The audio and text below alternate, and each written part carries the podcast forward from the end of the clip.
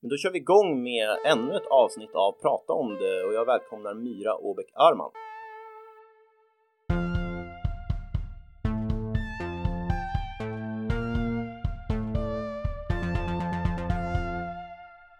Tack, tack. Myra, du är eh, skribent och eh, debattör, mest på kultursidor numera och eh, tidigare projektledare inom Interrasist Män. Yes, det stämmer.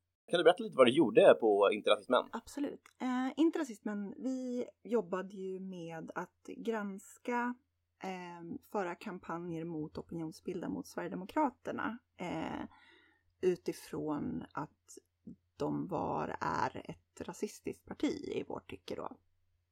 Eh, jag kan motivera det om det behövs. Eh, men så att det jag gjorde var att för typ fem år sedan nu så kom jag in och började skriva artiklar åt Inte rasismen. Eh, och vi jobbade ju ideellt då.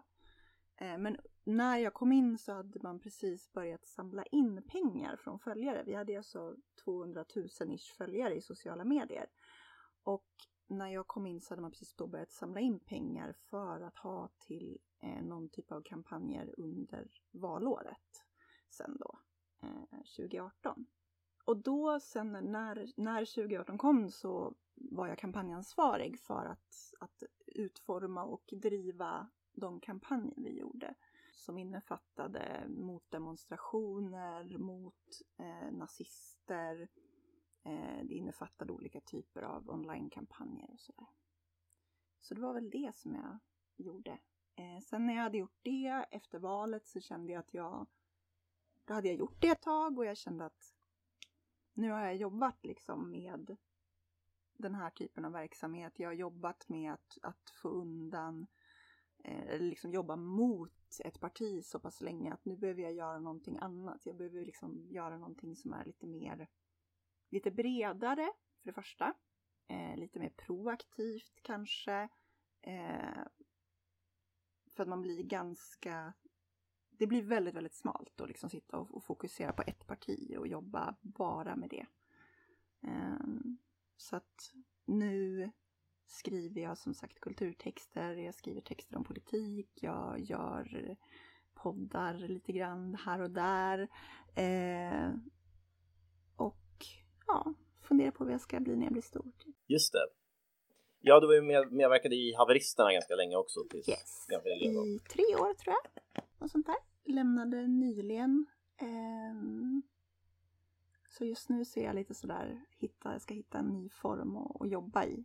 Uh, om jag ska göra det via liksom, video eller uh, podd eller vad det blir, får vi se. Right, ja men satsa på lite egna lite idéutveckling liksom. Det... Ja, precis. Det är så jävla lätt när man jobbar, speciellt när man jobbar politiskt tror jag. Att man, att man liksom halkar in på ett spår eller snöar in på en form eller ett sätt, en fråga eller ett sätt att jobba på. Och jag försöker lite hålla mig ifrån det för att det är så mycket roligare när man försöker doppa tån i lite allt möjligt på något sätt. Ja, jag kan verkligen förstå det. Det eller ja, jag har haft ganska svårt att snöa in faktiskt, men det är ju som en, det är som en strategi för att kunna nå, nå avtryck någonstans, att verkligen satsa på någonting länge. Men samtidigt så är det liksom, jag har i alla fall ett förberett intresse för det liksom. Så mm.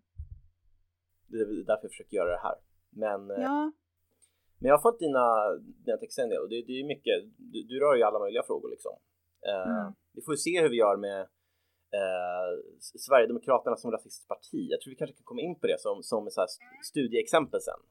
Ja, ja, men det är väl jättebra. Men, men, men inte rasist, men granskade olika uh, sätt då på vilka Sverigedemokraterna uppvisade rasism kan man säga. Ja, precis. Det kan man säga. Eh, eller andra klandervärda grejer, typ när de inte kunde skriva en budget eller när de eh, sa dumma grejer om kvinnor eller bögar eller vad det nu Just kunde det. vara. Så. Nej, nej jag, jag uppskattade också när jag följde det. Det är ju ett det är klart att det, jag, jag kommer inte invända mot att det finns massor av sådana företrädare i SD och massor av allmänna stollar liksom. Och ja. att det, det, är en, det är en väldigt viktig och bra granskning. Mm. Men jag uppskattade också att, det, att ni som en antirasistisk, antirasistisk organisation ändå gjorde en del markeringar mot andra, liksom en typiska rasister som gjorde fel av olika slag, typ um, antirasister som uttrycker antisemitism eller mm. islamister som försvaras i olika sammanhang. Till exempel den här uh, Rashid Musa-debatten. Mm. Som ju fortfarande tyvärr är lite av en grej. Jag tycker ju att det blir, för mig så är det självklart att man bör göra det, att man bör markera mot, um, vad ska man säga, dåliga element liksom i sin egen rörelse. Um, och liksom flipside av det är ju att du får man brukar säga det om typ vänstern, att vänstern är så jävla bra på att kriga mot sig själva till exempel. Eh, eller antirasister krigar mot sig själva eller sådär. Eh, jag kan tycka att ofta så är högern sämre på det. Eh, att peka ut sina egna problematiska element. Liksom att man är mer accepterande eller ser mellan fingrarna på det kanske. Eh, och då måste jag försöka vara konsekvent själv om jag ska ha den kritiken. Liksom. Så att även om jag tycker att Svenska Unga Muslimer är en bra grej, jag tycker att det är skitbra med en organisation som ska jobba mot, mot, mot liksom islamofobi. Eh, så om jag nu vet att för, en av företrädarna, ordföranden för den organisationen, sysslar med antisemitism eller, eller enablar antisemiter så måste jag ju kunna kritisera det. Sen är det synd att det är så svårt att ha en vettig debatt om det, men det kanske är nästa, nästa steg. Ja, nej, men det är väl lite för djupt problem för att man bara ska kunna erkänna det och bara säga att ja, det här, det här var inte så bra. Eh, bra att ni påpekade det liksom. Ungefär som med, med Sverigedemokraterna rätt ofta. Precis, det, det är väl kanske ett tecken på det ja. Alltså när man inte ens kan säga ja, vi har ett problem med att vår grund bygger på typ nazism eller, eh, eller någon typ av, av islamism eller vad det nu kan vara. Det kanske tyder på att man har ett intresse av att inte ändra på just den saken. Kan jag gissa. Om jag skulle killgissa skulle jag säga att det kanske hänger ihop. Jag har nog en take på Sverigedemokraternas uh, beteende där också, men vi kanske kommer in på den sen också. Ja, spännande. Jag tänkte, det har ju ändå varit så här, drivkraften bakom den, den organisationen var i alla fall att eh, antirasistisk kan man säga. Den, det var att, att granska ett parti eh, för sin rasism och det är ju fortfarande en, ett problem som är i högsta grad aktuellt antar jag att du ska hålla med om. Mm rasismen har, har inte upphört. Eh, behovet av, av sån granskning eller en sån, sån debatt och sån kamp är, är kvar. Så det skulle jag vilja diskutera med dig och jag tänkte börja med eh, bara om vi skulle försöka fastslå vad vi menar med rasism, högerpopulism, mm. de två orden som jag tänkte är. Eh, yes. Så hur skulle du, hur skulle du kategorisera det? Eh, rasism generellt, du kan ju ha definitionen, den enklaste definitionen är ju att, att man säger att det handlar om att du ser att det finns olika grupper av människor baserade på någon typ av biologiska förutsättningar och att de grupperna är olika mycket värda. Sen har vi ju liksom den mer samtida, sen har du ju liksom en annan definition av det där man pratar om, om att du måste lägga till makt, att det är fördomar mot andra raser plus makt. Så att, och då får du den här definitionen att du kan inte vara rasistisk. En svart person kan inte vara rasistisk mot en vit person till exempel, därför att du har inte maktelementet. Jag skulle säga att i min definition, den allra enklaste definitionen, så handlar ju rasism om fördomar riktade mot en eh, person baserat på antingen hur de ser ut, eller etnicitet kan vi säga, vilken grupp, gruppering de tillhör, vilken etnisk gruppering de tillhör. Um, och därför så kan man också då klumpa in islamofobi eller antisemitism eller bara saker som är baserat på utseende samtidigt som du kan förklara varför eh, varför man kan vara rasistisk mot en invandrare från Syrien men du är helt okej okay med en adopterad eh, person från Uganda som har bott i Sverige hela sitt liv. Därför att där är du mer rasistisk mot kulturen. Förstår du? Mm. Alltså du kan vara rasist utan att vara rasbiolog eh, i mina ögon. De flesta sverigedemokrater är ju inte de kanske har fördomar mot folk eh, som har mörk, mörk hud liksom. Men, men framförallt så är de kulturrasister utifrån att de tittar på människor som har en annan religion eller en annan kultur eller pratar andra språk och så vidare. Medan de är helt okej okay om en person har en annan biologisk, eh, en annan hudfärg eller kommer från ett annat land så länge de beter sig quote unquote svenskt så att säga. Just det. Uh, Men det är fortfarande rasism. Just det, nej, men jag är med. Jag, jag tror att eh, jag har en, ganska mycket en sån, sån av det första eh, definitionen du sa. Alltså som att det, gör, det rör eh, ja, skillnader som, som, man inte kan ändra på så att säga och att sen så kan det förstås finnas fördomar mot muslimer, judar, andra och så vidare och det de är ju ofta kopplade ska man ju säga. Det är ju väldigt, jag tror att det är väldigt många islamofober ser nog, har nog mer förakt för svarta muslimer än för vita muslimer. Eh, eh, man kan ju se till exempel att väldigt många, väldigt många människor som är bruna i någon form eh, antas ju vara muslimer bara för att de är bruna. Så att det finns absolut en liksom, komponent i det som är kopplad till utseende. Så. Eh. Ja, jag skulle inte heller utesluta alls att mycket av fördomarna mot muslimer är kopplade till att de är liksom, att man tänker det är människor med en annan hudfärg. Och mm. därför så ser man ner på, på religionen också. Mm. Men, Men skulle, du, skulle du säga att antisemitism är en typ av rasism då? Oj, det, det beror på skulle jag säga. Mm. Det, det, är en väldigt svår fråga, men om man ser liksom det som, som judar som en etnisk grupp eller som liksom ett folk mm. så kan det ju bli så. Men ja, det är ju klurigare om man bara ser det som att ja, men det är bara personer som har uppfostrats i en judisk kultur så att säga, eller judisk sammanhang som mm. då, ja. Nej men för det är det som blir svårt tycker jag. Det är därför jag kan definiera rasism hyfsat brett beroende på såklart kontext. Just därför att annars så får du problem med sånt där. Ja okej men om du inte är islamofob, eller så här, om, om många judar är ju rent liksom, fysiskt så ser de, är de ju vita. Så. Eh, så de kanske inte utsätts för rasism. Men eftersom de tillhör den här folkgruppen så det är det, det är precis samma typ. Antisemitism är ju i mina ögon en typ av rasism. Därför att det handlar fortfarande om att du tillskriver en folkgrupp en viss typ av egenskaper och en viss typ av eh, beteende eller eh, vad det nu kan vara. Så, utan att det är för den det är liksom, sakens skull är, är direkt rasbiologiskt eller någonting annat. Så.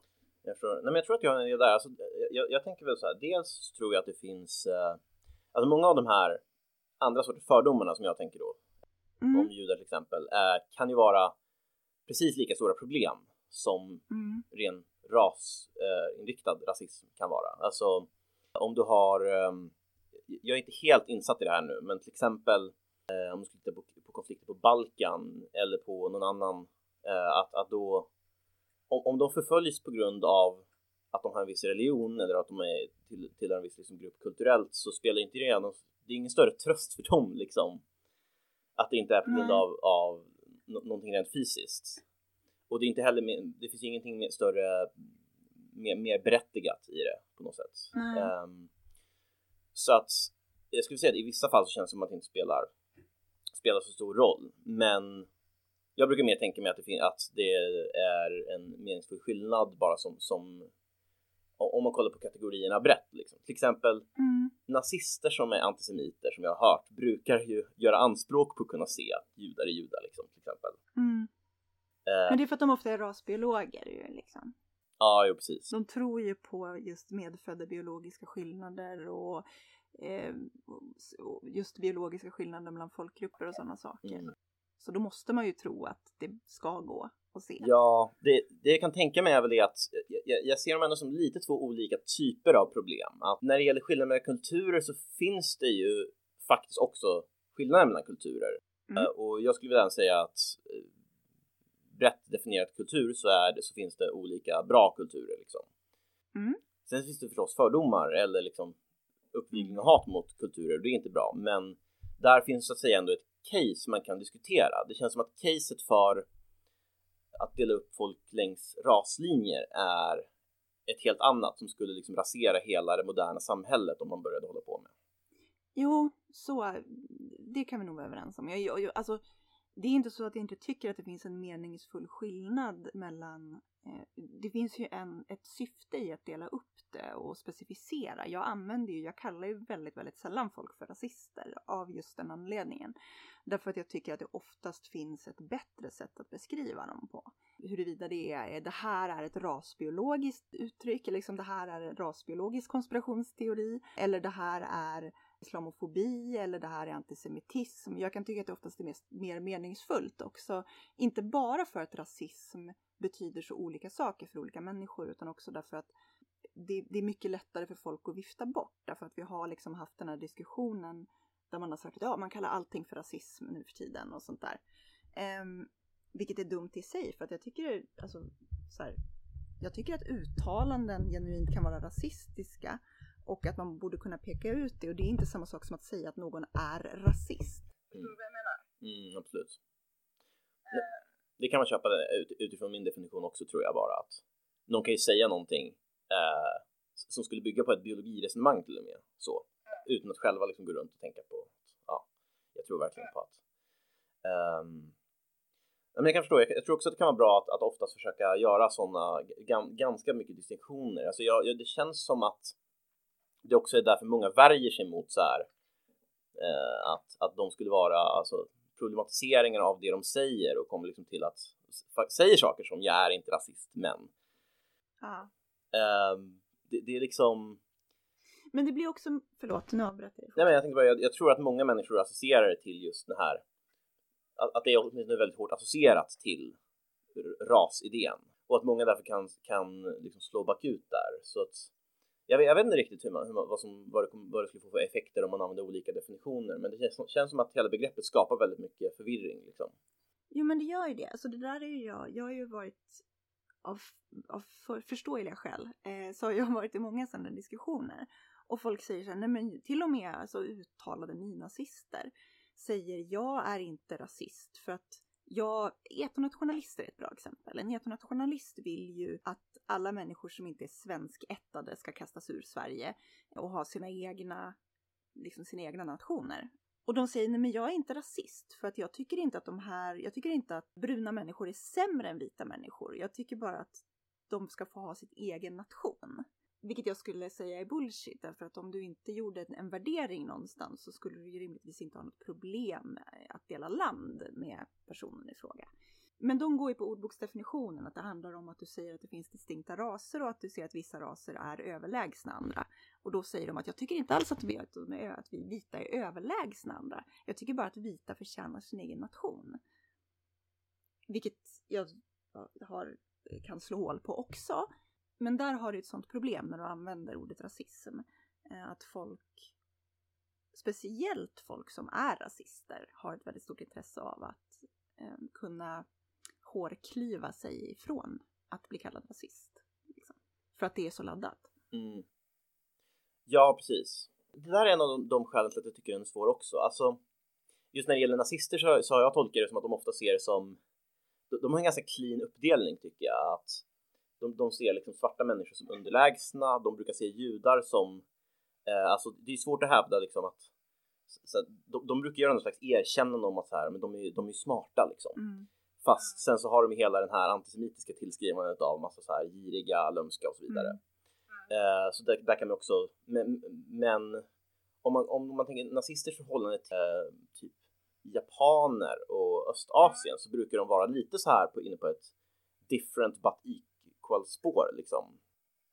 Alltså nu är japaner är ju extremt rasist, alltså, eller Japan ska jag säga, är ju extremt, rasist, äh, extremt äh, rasistiskt. Så att det är inte så, kanske så konstigt. Det är lite grann som att alla, alla de här Sverigevännerna plötsligt älskar Ryssland eller Kina eller så här, för att auktoritära dras till andra auktoritära. Typ. Ja, det är sant. De brukar, de brukar ju gilla de, de regimerna mer. Mm. Men så, så jag, jag, kan tänka mig att det finns, finns sån idé. Men, men begreppet är ju extremt negativt laddat Men jag, jag tror också att det är ganska goda skäl. Alltså... Det är bra att det är laddat. Det ska ju vara laddat. Alltså, det, det ska inte, vi ska inte avdramatisera vad det innebär att vad rasism innebär. Um, som en person som inte gillar rasism så har man inget intresse av det och just därför så tycker jag att man kan att man ska absolut använda det men ofta så tycker jag att det är bättre att vara mer specifik för att det är svårare att vifta bort och säga ja ah, du kallar allt för rasism, haha. Så. Ja men precis, Nej, men det är väl därför jag, jag har också liksom fått en lite så här aspig besatthet vid liksom etiketten att um, om man just använder det väldigt, väldigt brett liksom eller säg, säg, mm. ja, säg sak, de, de, de här fenomenen eller de här människorna uttrycker rasism så, så finns ju risken att man urholkar de här riktigt, riktigt klina fallen liksom. Och ja. typ så här, NMR, liksom, NMR är rasistiska. Liksom. Det, Mm. det är ingenting att diskutera. Det finns eh, företrädare ni i Interrasist Män har exposat som har sagt grovt rasistiska saker. Mm. Jag, jag kan förstå så här att man eh, tycker olika fördomar och liksom kulturella angrepp också kan vara hemska, men jag, jag ser där, där ett värde liksom i att ha att inte risken blir att man ropar varg för mycket liksom. Ja, alltså jag har tänkt så jävla mycket på det där för att det var ju en väldigt samtidigt som Sverigedemokraterna växte och vi hade hela liksom hela den rörelsen, den globala liksom högerauktoritära vågen, så blev ju det där en så vanlig, en så vanlig sanning som upprepades. Ja, ah, nu allting är rasism, man får inte ens kritisera invandring, man får inte ifrågasätta invandring, då, är det, då blir man kallad rasist.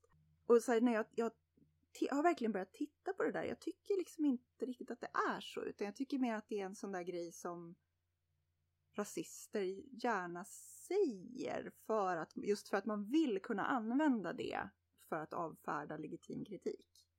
I någon mån.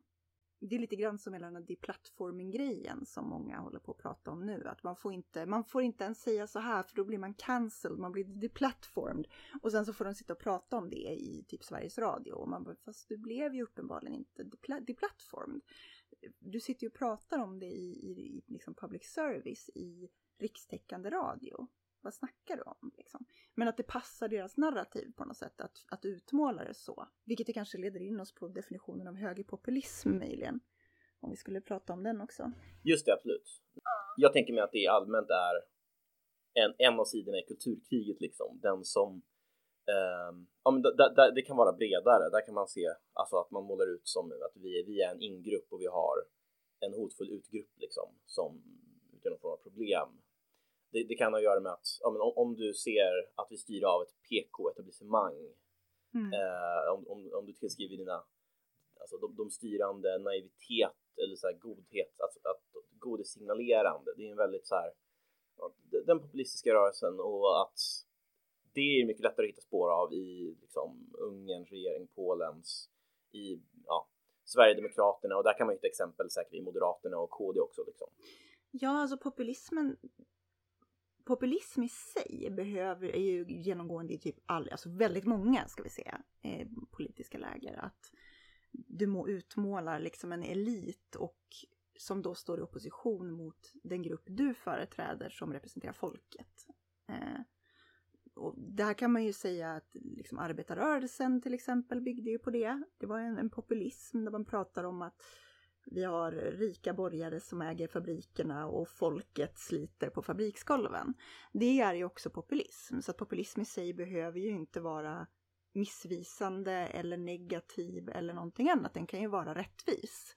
Men högerpopulism bygger ju väldigt ofta på kritik mot, mot invandring och just PK-kultur och sådana saker. Eh, att det finns en liksom liberal eh, makt, ett liberalt maktcenter som står i, i motsats till folkets behov och önskemål. Typ. Mm. Ja men det är nog ganska bra. Där tror jag att, att vi kommer vara ganska, vi kommer förstå det på ganska liknande sätt.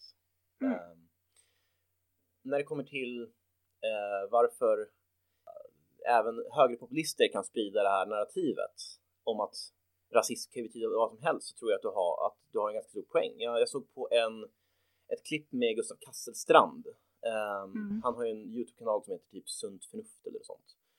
Uh, väldigt typiskt populistiskt uh, uttryck. Yep.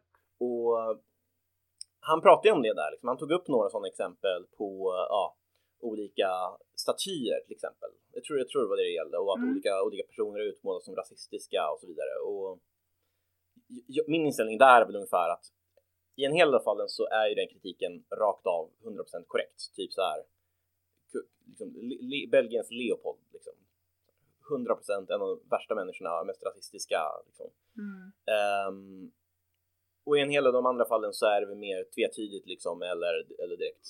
Men... Men produkter av sin tid och så vidare. Det är lite, alltså det blir väldigt konstigt att adoptera den amerikanska kontexten jag tror att jag haft kritik mot det här förut, att du kan liksom inte ta den, den, den amerikanska antirasistiska rörelsen och applicera på svensk kontext för att vi har inte riktigt samma historia. Jag har full förståelse för att man i USA inte vill att man ska ha sydstatsflaggor framför kommunhuset. Liksom. Därför att det var en, en, politisk rörelse som krigade för sin rätt att äga slavar. Och det är liksom, om vi ska, det var, var ju lite mer komplext än så. Men, eh, ehm, och det förstår jag. Så. Eh, men vi har inte riktigt det i Sverige. Vi har inte samma historia. Det har inte sett ut på samma sätt. Nej, verkligen. Vi har delvis vår egen historia, men vi har inte allt, alls haft samma så här klara eh, skikt i samhället eh, och Nej. institutionaliserad rasism i, i lagarna och hela liksom.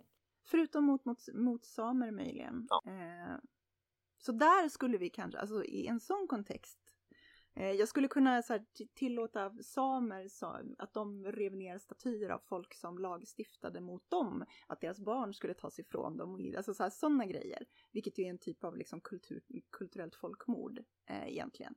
Eh, det, skulle jag, det skulle vara jämförbart. Eh, men eh, Carl von Linné vet fan alltså. Ja. I alla fall, jag, jag landar väl i att jag håller väl med honom till viss del. Jag, jag, jag tror att det finns en hel del fall jag ser i alla fall ofta i mitt flöde folk som använder rasism på ett sätt som jag inte håller med om. Nu, har jag inte, nu var jag inte tillräckligt energisk för att tänka ut några bra exempel, tyvärr. Ja, det hade varit bra att se, för det är intressant. Jag har, jag har ofta sånt där, men jag får väldigt sällan exempel på det nämligen. Mm. Och det är omöjligt att veta om det är jag som bara missar det eh, och har en väldigt bra filterbubbla eller någonting. Eller om, om det är så att andra har en annan filterbubbla och en annan konfirmationsbias liksom som, spelar in? Ja, men, men jag tror jag kan tänka ut ett par ganska enkelt. Det är, vad heter det? Till, till exempel så, så pratar ju du om att det, det, det, kan gälla fördomar mot även andra också, eller mot liksom idéer om att kulturer är olika och så vidare. Den här, ja. eh, den här artikeln för länge sedan, ganska länge sedan, Jimmy Moments. Ja, just det. Mm. Tyckte du den uttryckte någon form av rasistiska tankar? Måste jag tänka. Det var ungefär, jag, jag råkade gå till en affär, den var arabisk. Ja, jo, precis. Det var ett sånt närlivs, åh nej. Det, det, jag kände att vad är det Sverige jag växte upp i och så vidare. Ja, alltså, ja. Jag skulle kunna säga att den hade, en ras den hade rasistiska undertoner, ja. Framförallt så var den ju dum. För att typ invandrarlivs har ju varit en grej i Sverige sedan jag var barn. Liksom. Så att det är inte så att det är en ny grej. Eller, eller att det inte skulle vara representativt för Sverige eftersom hon var ju yngre än jag tror jag. Så hon har ju definitivt vuxit upp i ett Sverige där, där vi har invandring och där vi har ett samhälle som färgats av invandring. Ja, hon är skåning. Ja, jo i och för sig. Nej men för, för det är min största, min så största, ofta när, när man liksom pratar med folk som är påverkade av rasistisk propaganda eller är eh, väldigt inne på det så, så är det ju som att de längtar tillbaka till ett Sverige som inte har någonsin har funnits. Liksom. Man längtar tillbaka till något Astrid Lindgren Bullerby-Sverige. Eh, som faktiskt, jag skulle hävda att det aldrig har funnits i den form de föreställer sig det. Men framförallt så har det ju inte funnits på, typ under hela tiden de har levt. Eh, så. Ja precis, alla är liksom ljushylta och blåögda och dansar Ja, och liksom bor på landet och, och liksom bor i små byar och mamman är hemma och är hemmafru. Alltså det är så här, det, det är ett, en utopi som inte riktigt varken är hållbar eller egentligen historiskt korrekt. Nej, mycket av det här är väl liksom baserat på olika barnfilmer och böcker, eller liksom dikter ja. som är nationalromantiska. Ehm, Precis.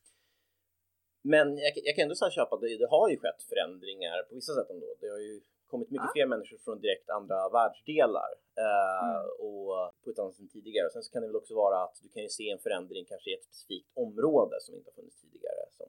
Mm.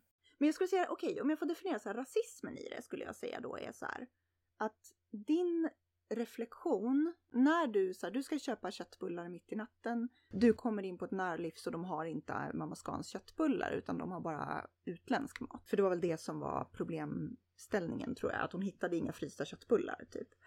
Utan hon hittade bara några konstiga frysta djur eller vad det var. Ehm.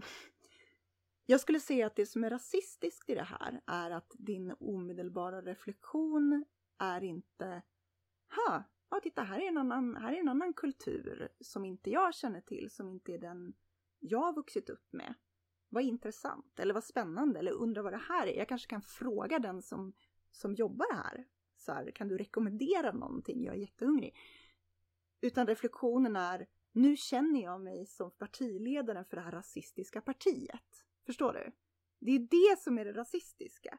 Att, att hennes reflektion är inte, är inte bara samhället har förändrats. För då är vi inne på lite det här när man säger att man får inte ens ifrågasätta invandringen. Jo, man kan ifrågasätta invandringen. På samma sätt som du kan konstatera att eh, landet har förändrats. Men när du gör det och din omedelbara reflektion är det kanske var bättre förr när vi inte hade så mycket invandring. Det är rasistiskt, förstår du?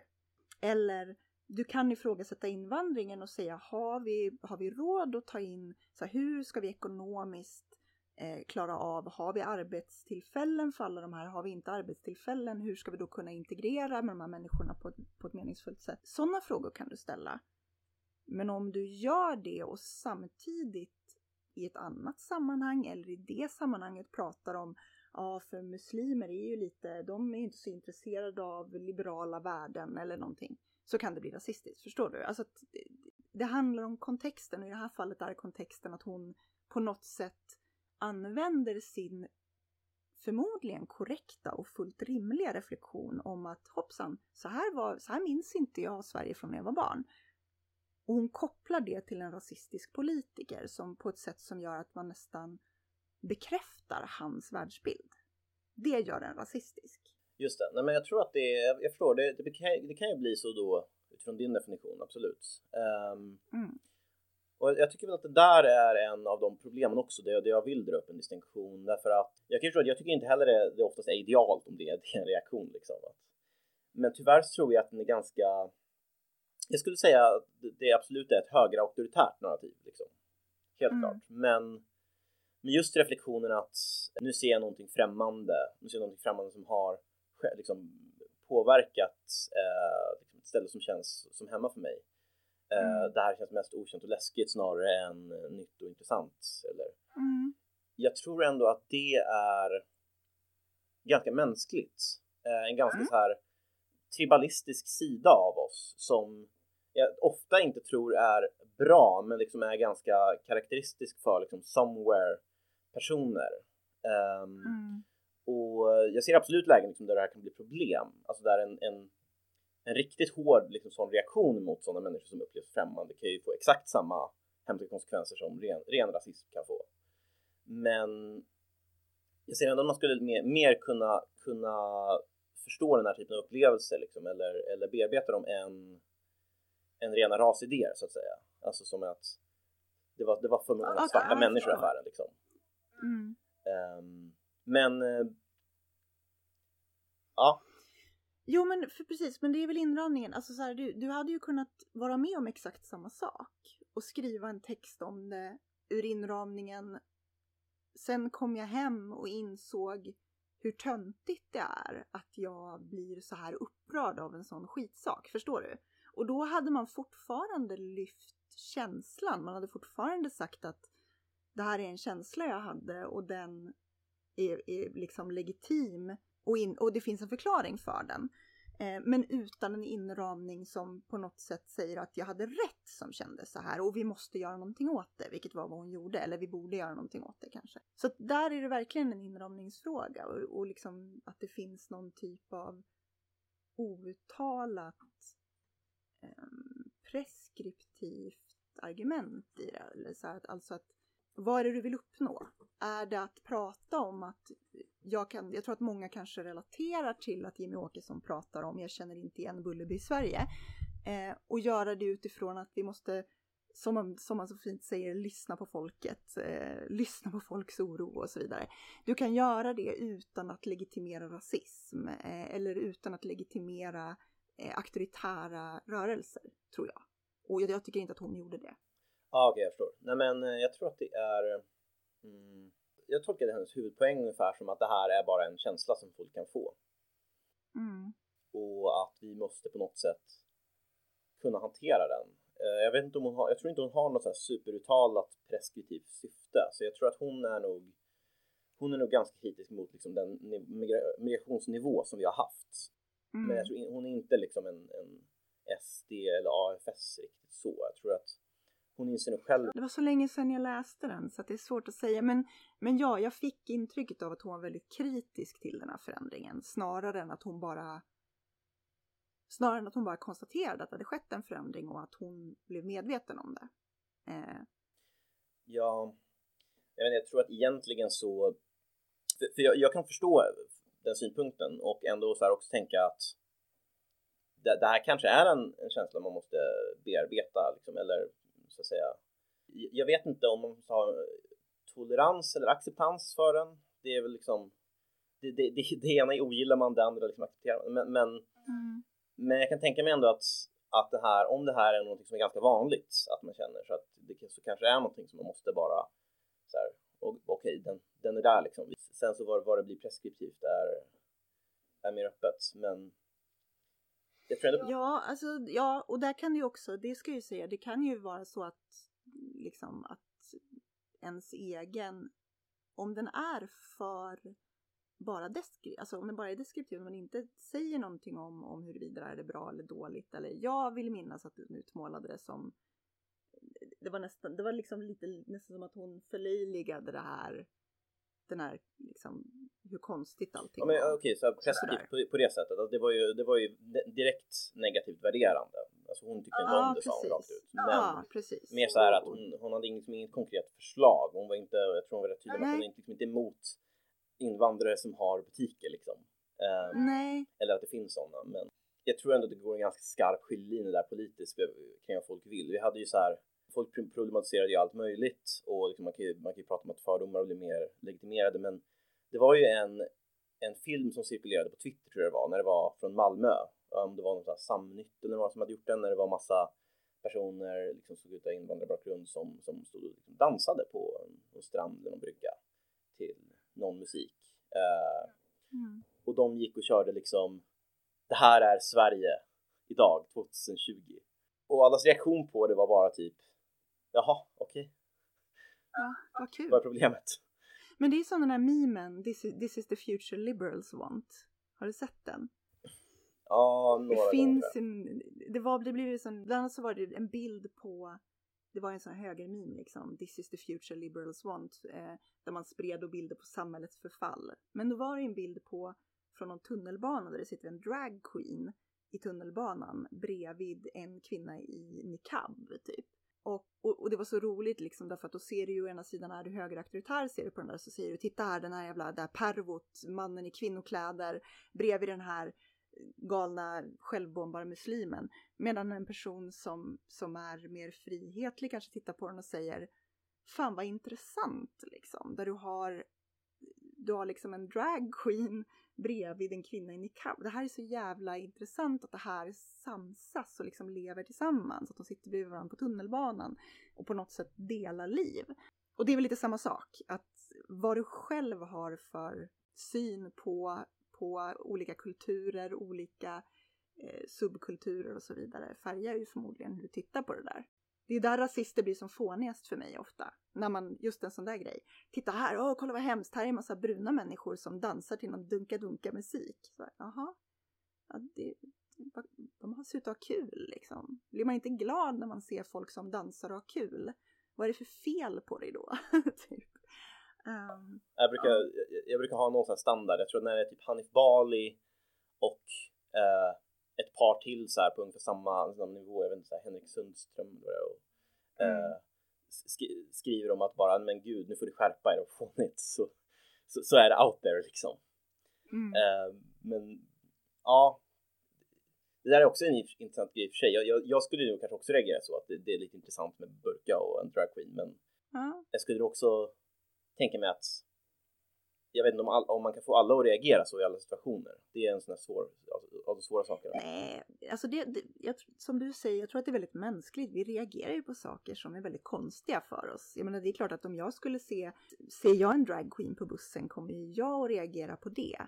Eh, även om, om jag är en person som, som ändå liksom uppskattar dragqueen-kultur väldigt mycket. Därför att det är någonting som sticker ut ur stadsbilden. Men där är ju människor så jävla anpassningsbara. Därför att när saker förändras runt oss så anpassar vi oss skitsnabbt.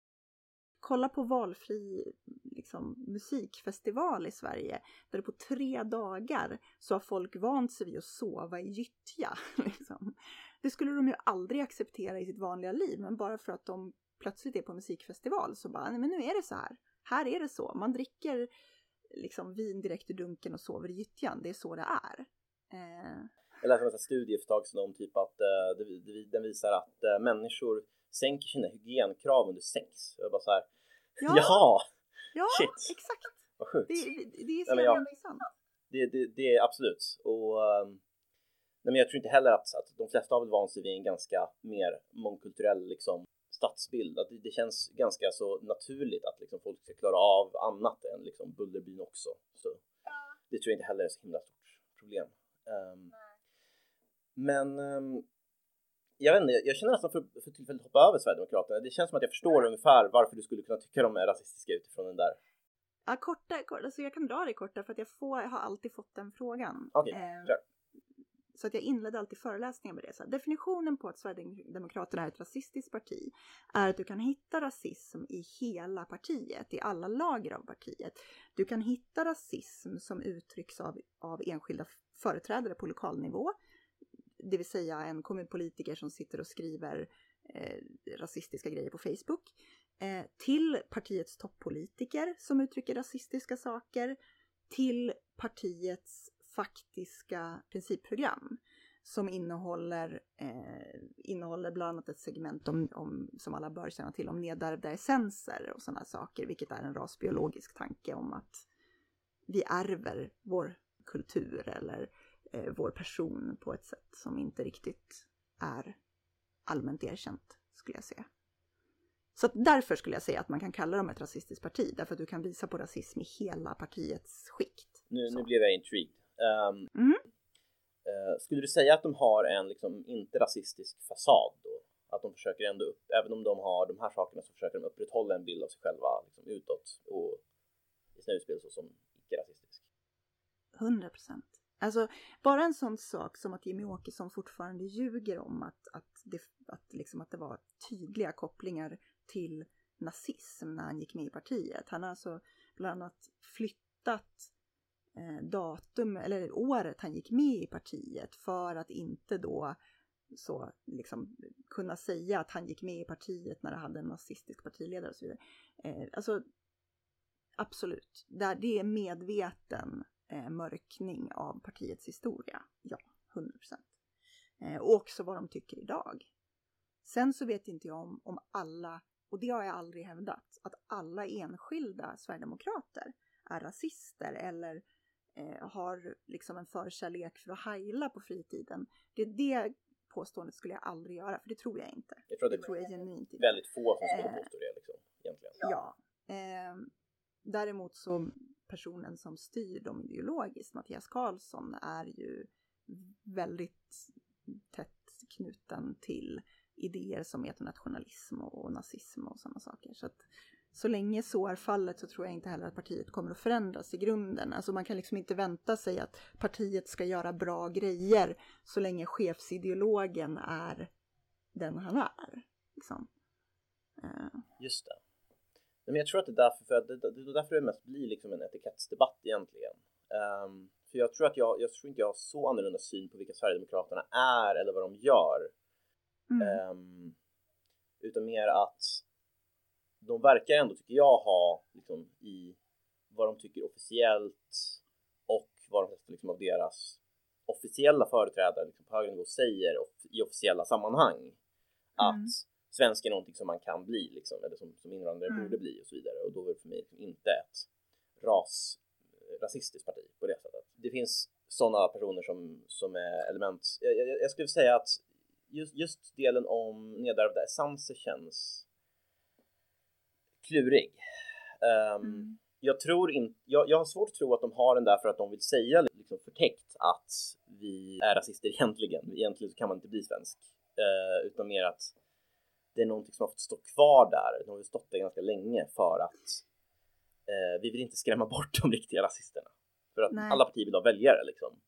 Men att du kan typ komma undan den med att mena att ja, men det finns ju en ärftlig del och en social del av varje människa, men vi menar inte att det finns raser liksom. Alltså den var ju mer den är ju mer logisk om man sätter den i kontext med vad Sverigedemokraterna brukade vara och vilka krav de brukade ställa där man bland annat pratade om att förbjuda adoption, utomeuropeisk adoption.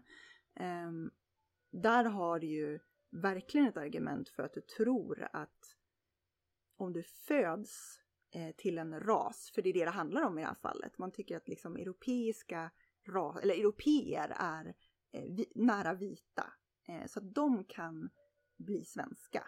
Men vi kan inte adoptera barn från Afrika därför att på något sätt då de har en nedärvd essens som skulle motverka dem eh, från att assimileras eh, i det svenska samhället. Där är det ju mer logiskt om man tittar på den liksom satt i sin tidskontext. Ehm, sen har man ju varit tvungen att backa på väldigt mycket av det där för man hade ju aldrig någonsin fått så mycket väljare om man hade drivit de frågorna idag. Men man måste tänka på att det är samma ledning, det är samma toppolitiker som det var eh, under tiden som mycket av de här idéerna var helt accepterade och okej. Okay. Så att även om man har städat ut de riktigt eh, så här öppet nazistiska typerna så är det liksom toppolitikerna är de samma. Så att för mig så blir det lite naivt att tro att man har förändrat grundsynen som gjorde att man ställde sig bakom de här sakerna. Om man inte skulle ha gått ut och sagt det, vilket man inte har gjort, för man vill ju gärna låtsas att det här inte har hänt. Mm. Eh, och det får ju mig att tänka att man nog inte har förändrat syn på det så jättemycket. Mm. Du tänker att om Åkesson själv liksom skulle få bestämma, bara rakt av, nu har jag makten, så mm. raspolitiska åtgärder liksom, om man kunde?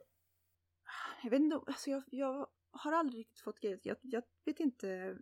Jag tror att Åkesson är väldigt många eh, av partiets företrädare som jag har träffat på eh, hade lika gärna kunnat vara sossar liksom, egentligen. Eh, eller moderater. Och Åkesson tror jag, framförallt vid det här laget, jag vet inte hur ideologiskt driven han är eh, längre. Han känns mest utbränd och trött och jag vet inte. Skulle Mattias Karlsson, skulle Mattias Karlsson få diktator i Sverige så skulle han förmodligen kasta ut alla som hade invandrat efter 1975 eller någonting. Vad det nu är AFS säger att de vill göra. Oj. De säger inte 75 längre. Sverigedemokraterna tror jag brukade säga 75. Mm. Jag tror att AFS har helt rätt. De skulle göra det. De säger nästan mm. att de ska göra det. Men jag tror inte att, jag tror inte att Mattias Karlsson ideologiskt är jättelångt från AFS till exempel. Mm. Nej, AFS var ju SDU liksom ganska likt, men jag vet inte, mm. jag har väl en, en, en idé som är att så här, jag, jag gillar ju verkligen inte Sverigedemokraterna, dels för att de är sossar, men också för att jag, jag, jag tycker inte stat, stat ska inte hålla på med sådana där kulturidéer eller för den delen begränsa migration. Men det, det jag tycker är, jag ser möjligheten att på 90-talet så var debatten väldigt eh, mer eh, sluten på sätt och vis. Alltså det, det fanns liksom en nationalistisk rörelse som var e-, efter Ny Demokrati då till höger, alltså om de etablerade partierna. Och att du fick liksom ta den och jobba med de människorna ifall du ville liksom prata med folk som, som ville lyssna och kunde mm. öppet hålla med dig. Liksom. Så en, en, min möjlighet är helt enkelt att, att Åkesson och kompani vill driva liksom en ungefär sån agenda. Sen svårt att sätta exakt gräns liksom, men de ville stoppa invandringen framför allt. Ehm, och att de samtidigt liksom gick in i ett fast sammanhang så att man kanske, man kanske inte kunde gjort liksom ett, ett, ett Sverigedemokraterna som det ser ut idag och bara kört på med de människorna. Och sen så har man gradvis, liksom steg för steg avvecklat det mesta av de liksom riktigt stickande delarna. Skulle kunna vara liksom en, en slags cover-up. Det, är inte, det är inte helt ologiskt, men skulle också kunna vara bara att man, man gradvis anpassar partiet liksom och, och försökt bredda det. Jag tror att alltså det är... Och jag vet inte... Um, jag tror ju också att man, man har ju dolt sin historia. Det är ju uppenbart och man erkänner inte det här och där ser jag också flera alternativa förklaringar. Det jag började tänka på sista tiden helt enkelt att det gynnar dem opinionsmässigt. Alltså för att de tjänar på att folk påstår, alltså att folk fokuserar på de aspekterna av dem, för då kan de säga, ah, nej men det där var på 90-talet, det var förut, eh, eller liksom knappt då ens, och det där är bara, och de andra mm. partierna är också dåliga, men ska vi prata om det verkliga problemet, alltså invandringen? Eh, mm och att de liksom inte har något att vinna egentligen på att vika sig och därför bara liksom kan också alienera liksom folk till AFS om de börjar säga att ja, nej, men vi hade en hemsk historia. Alltså jag, jag tror att du har en poäng, om inte annat därför att det gynnar deras populism att säga, att ha den konfliktlinjen. Eh, och deras nationalism, där det handlar om, alltså populismen bygger ju väldigt mycket på att i deras fall att prata om vänstermedia och vänster, eh, liksom sosse-Sverige och eh, titta här, de vill bara utmåla oss som nazister. Så att absolut, på det sättet så tror jag att det gynnar dem. Det gynnar deras bild av, alltså det gynnar, det gynnar dem i deras liksom bild av att utmåla sig själva som, som obekväma sanningssägare som företräder folket. Samtidigt så ska vi inte glömma att Sverigedemokraterna och Sverige är unikt så tillvida att vi är eh, Sverigedemokraterna är, om man tittar på liknande partier i eh, Europa, så är Sverigedemokraterna det enda av partierna som inte har ett regeringssamarbete, eh, inte haft ett regeringssamarbete. Till viss del tror jag därför att man ständigt har påmint om vilka de i grunden är. Och det gör det omöjligt för andra partier att samarbeta med dem. Eh, därför att deras ideologiska rötter är så synliga hela tiden. Skulle jag gissa, men det är, helt, det är omöjligt att säga. Det är bara min, min analys som före detta granskare av dem. Liksom. Um, jag tror absolut du har en poäng. Alltså, jag tror att det de skulle kunna ha att vinna har jag tänkt. De, I opinionen så verkar det ju gå ganska bra, men de skulle kunna få det lättare för moderater och liksom kristdemokrater som är obekväma att känna sig mer bekväma om de typ skulle säga, göra någon slags vitbok liksom och ta bort liksom, ja. och, och liksom liknande. Att vi, vi, vi tyckte så här, det var fel, liksom, nu har vi ändrat oss. Mm. Um, så men det, det, det, tror jag att det mycket väl stämmer att det har det gjort det svårare att, ber, att beröra dem med tång. Liksom. Mm. Och där har de ju en balans att göra där mellan sekunden de börjar samarbeta med de etablerade partierna så blir det väldigt svårt för dem att upprätthålla en stor del av sin, sin branding som är vi är det enda, de pratar om sjuklövern hela tiden och sådär. Eh, de andra partierna är korrupta. Eh, Donald Trump gjorde ju exakt samma sak med Drain the Swamp och allt sånt där. Att jag är, liksom, vi är de enda som på riktigt företräder folket mot de här korrupta politiska eliten. Sekunden de börjar samarbeta med den korrupta politiska eliten så kommer de ju tappa den delen av sin väljarbas. Man kunde se liksom den kritiken ganska tydligt hela tiden, varje steg de tar mot att bli mer rumsrena. Det blir väldigt svårt att prata om det, det korrupta vänsterliberala etablissemanget om du är i regeringsställning tillsammans med Moderaterna och Kristdemokraterna. Liksom. För då, då kan du inte längre skylla ifrån dig. Och där tror jag att de har ett problem. Kommer alltid ha ett problem. Liksom. Just för att de har byggt så mycket av sin, sitt, så mycket av deras framgångsrecept bygger på att utmåla sig själva som underdogs. Och de är inte underdogs längre. Um... Och nu har vi också ett parti som, som är mer radikalt som mm. siktar på riksdagen och som skulle eventuellt kunna hamna där ifall de verkligen skulle tappa sådana väljare. Mm. Det var uh, både SD och KFS i riksdagen. Nej, fy fan. Um, jag tänkte kolla lite med dina idéer för hur man, vad man ska göra åt det här. Mm. Hur, ska man, hur ska man jobba emot skiten? Här kan vi nog vara ganska oense i sådana fall. Det tror jag är bra. Spännande. Um, mm. Ja, du har ju du har granskat Sverigedemokraterna och lett kampanjer mot dem och då antar jag ett sådant engagemang generellt mot högerpopulistiska rörelsen, om man säger så. Mm. Vad tror du är de viktigaste medicinerna? Ja, och det här, det här är intressant därför att en av grejerna som vi var väldigt noga med när vi höll på med Inte rasistmän var ju att vi inte ville liksom utestänga någon del av det politiska spektrat, det vill säga vi visste att det fanns människor från högern som inte gillade Sverigedemokraterna för att de var rasister. Eh, och att de skulle också kunna känna sig välkomna i både det vi skrev, eh, det, de aktioner vi gjorde och så vidare. Eh, och det var väldigt viktigt för oss att de kände sig välkomna, vilket gjorde att vi var väldigt försiktiga när det kom till att göra, att liksom försöka göra en politisk analys av det som baserades på en, alltså en, en egen politisk åsikt. Till exempel, jag vet att jag gjorde någon grej någon gång om de gick ut och pratade om vården och sen så pratade, jag tror jag hade någonting om att de ville egentligen privatisera mer av vården eller något sånt där.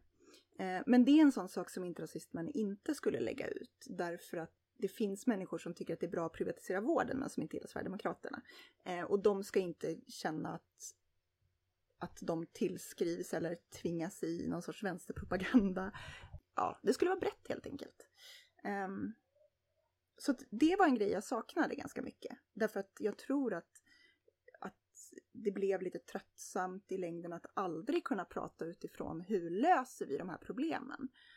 För så fort du gör det så kommer du in på lösningsförslag som kanske varierar beroende på vilken del av det politiska spektrat du är. Eh. Men du har då lösningsförslag som kanske skaver för en del partier?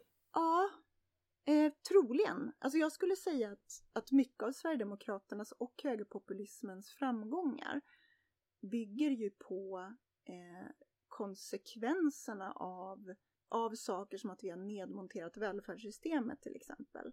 Jag tror att vi hade en historia i Sverige av att, att anpassa samhället ganska bra efter den typ av grupp som invandrare ofta hamnar i. Alltså till exempel alltså underklassen om man säger, eller arbetarklassen. Vilket, vilket idag representeras till ganska stor del av invandrare. Därför att de har inte haft tillgång till svensk utbildning, eh, de har inte haft tillgång till svensk välfärd i stort. Eh, och en gång i tiden så hade vi ett samhälle som var byggt för det eh, på ett helt annat sätt. Vi hade olika typer av social bostadspolitik där vi sa att vi ska inte, vi måste ha hyres, vi måste liksom blanda upp hyreskomplex för att inte få stora fattiga områden i så stor utsträckning som möjligt, även om vi hade dem även mm, liksom, när, när man byggde fabriker så smällde man upp ett betongprojekt och sen så bodde alla arbetare där och sen var det gäng som drog runt där och så på lite samma sätt som vi kan se i förorter idag.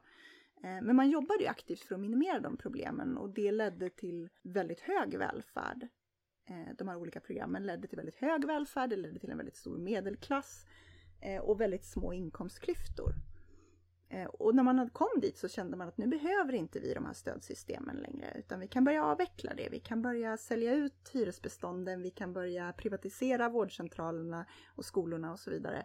Och det då i kombination med att vi dessutom då tar in en stor mängd människor som är i stort behov av den här typen av utjämningsåtgärder eh, skapar problem. Och så ser jag på det i ganska stor utsträckning. Vilket innebär att för att komma till rätta med många av de problemen som Sverigedemokraterna bygger sin väljarbas på, till exempel kriminalitet, så behöver vi motverka klasskillnader egentligen i grunden. Och jag vill ju gärna tänka att vi har gjort det ganska framgångsrikt i Sverige historiskt. Jag tycker ju liksom någonstans att det fanns en anledning till att vi var ett av världens bästa länder liksom med bäst sjukvård och bäst utbildning och sådana saker. Och jag tror att vi framgångsrikt skulle kunna använda samma strategi igen för att komma till rätta med många av de här problemen. Så skulle jag väl säga. Ja, det var ju, det var ett äh, recept som verkligen skavde. Nej, men jag, jag, jag har väl en helt annan bild egentligen av varför. Jag, jag håller med på vissa sätt om att det låter som att du menar att, att, att följden av de här sakerna blir liksom att social cohesion, sammanhållning och så vidare blir lägre. Det blir, det blir utanförskapsområden, det blir äh, människor utan framtidstro mm. och så vidare. Jag tror att i mångt och mycket så är det där, det som är problemet. Äh, men jag har en annan idé om varför det har blivit så. Äh, mm. Jag tror att man kan säkert liksom minska eller liksom, vad heter det, uh, gjuta olja på vågorna liksom över problemet med sådana sociala insatser. Men jag tror också att grundproblemet är dels att folk inte är sysselsatta och inte kommer i sysselsättning. Alltså jag, jag tror att man ska absolut inte reducera alla Eh, integrationsproblem till pengar eller till liksom, jobb. Men de allra värsta, alltså det, det, är väldigt, väldigt sällan tror jag som det är 9-5 anställda som ställer sig och liksom, typ ringer upp brandkåren och sen kastar sten på dem när de kommer. kriminalitet är ju nästan alltid kopplat till socioekonomiska förutsättningar av, av det man kan se i forskningen. Liksom. Så att där är det rimligt.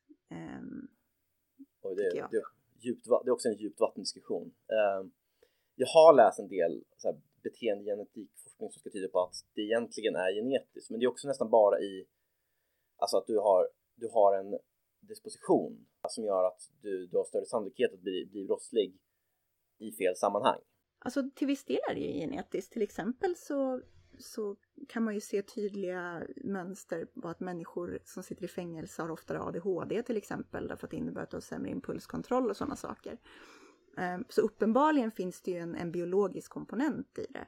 Sen är väl bara frågan huruvida man, man tänker att det här går att applicera på en hel grupp av människor eller inte. Det är ju där liksom rasbiologin kommer in någonstans. Att det finns ett, en genetisk komponent, det är jag helt övertygad om. Så, så tillvida att om du har anlag för dålig impulskontroll så kommer du förmodligen ha en större risk för att bli kriminell. Sen så vet jag inte om det finns någon bäring för att vissa, vissa länder eller liksom vissa raser eh, har sämre impulskontroll. Det tror jag inte existerar, men, men absolut en genetisk komponent, ja. Ja, ja. Det, var, det, var, det, var inte en, det, var, det var inte en rasförklaring jag Nej, sökte. nej, nej, jag tolkar Eller, inte så. Jag bara, ville bara så, här, så att vi är supertydliga. Bara för alla, alla journalister där ute liksom. Men, um, nej, men jag, jag tänkte mer att um, det känns också som att det oftast ändå, det, det är ju en, jag skulle mena att det är en socioekonomisk utsatthet. Men det är ju inte heller bara fråga om pengar egentligen, utan det är väl, det är väl också en sån social miljö. Alltså ifall du mm. har fler liksom trasiga familjer, många, många färre människor som, som har ett jobb um, och därför så mycket svårare att få en framtidstro av något slag. Och de i ditt område som har status och pengar är de som säljer knark. Ja. Jo, men brist på förebilder till exempel är förmodligen, eh, jag vet inte, jag tänker på, det finns ju den här typen av, för det finns ju ganska mycket forskning på hur det, hur det liksom påverkar en att växa upp i ett sammanhang där de allra flesta är utslagna på olika sätt eller utsatta. Och, och det verkar ju vara helt oberoende av liksom kultur och etnicitet så verkar det ju påverka oss väldigt likadan. Att oavsett om du är liksom vit eller svart så om du växer upp med missbruk eller du växer upp i ett samhälle där ingen har några framtidsplaner eller någon tro eller någon tillit till samhället eller sådana saker så kommer det att påverka dig väldigt likt för att människor är ganska lika. Vi har liksom ganska grundläggande reaktioner på saker som verkar vara gemensamma. Eh, ibland till det sämre. så, men ja. Mm. Men då tror jag vi har en ganska liknande bild av, av själva problemet. Det är väl möjligen så här orsaken till problemet. Alltså jag, jag tänker ju att arbetslöshet till exempel är i grunden väldigt onaturligt. Mm. Alltså att det finns en viss arbetslöshet gör det alltid, men i grunden så vill ju de flesta människor ha en inkomst liksom och någon sysselsättning, någon slags mm. productive use av sig själv. Och det brukar, jag, jag är också väldigt marknadsliberal så jag tänker det, det brukar lösa sig av sig självt. Um, här gör inte det. Varför då? Det här, det här är ju en sån, sån skillnad mellan länder-take, men det är, min tanke är att det ofta är människor från som inte har de liksom, förkunskaper eller färdigheter som krävs också för att hitta jobb på en svensk arbetsmarknad.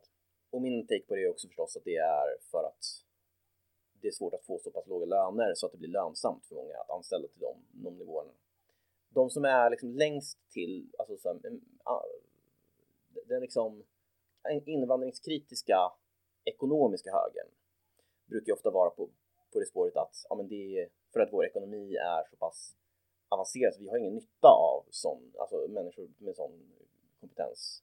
Vi har liksom gått förbi det stadiet så att vi att vi har högre lönelägen är bara positivt. Det kommer inte gå, gå att fixa det på något sätt. Jag, jag är inte, jag är mer osäker på det.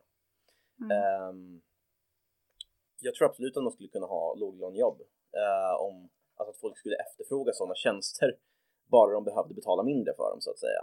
Det skulle också bli en typ av klasskillnader ifall man hade en, ett sånt skikt. Men eh, jag, vet, jag vet inte, min, min, idé är bara då, då skulle vi ha, om, om man skulle ha sån sysselsättning så skulle folk ändå gå till olika jobb flera gånger och det skulle bli liksom en annan dynamik. Och också mm. en uppluckring av hela den här segregationen att det är just det här att om du är arbetslös och liksom inte har någon kötid så hamnar alla på samma ställe. Mm. Ja, det här är väl liksom den största eh, jag tror, som sagt, jag tror att det är sådana här, såna här frågor vi kommer vara mest oense.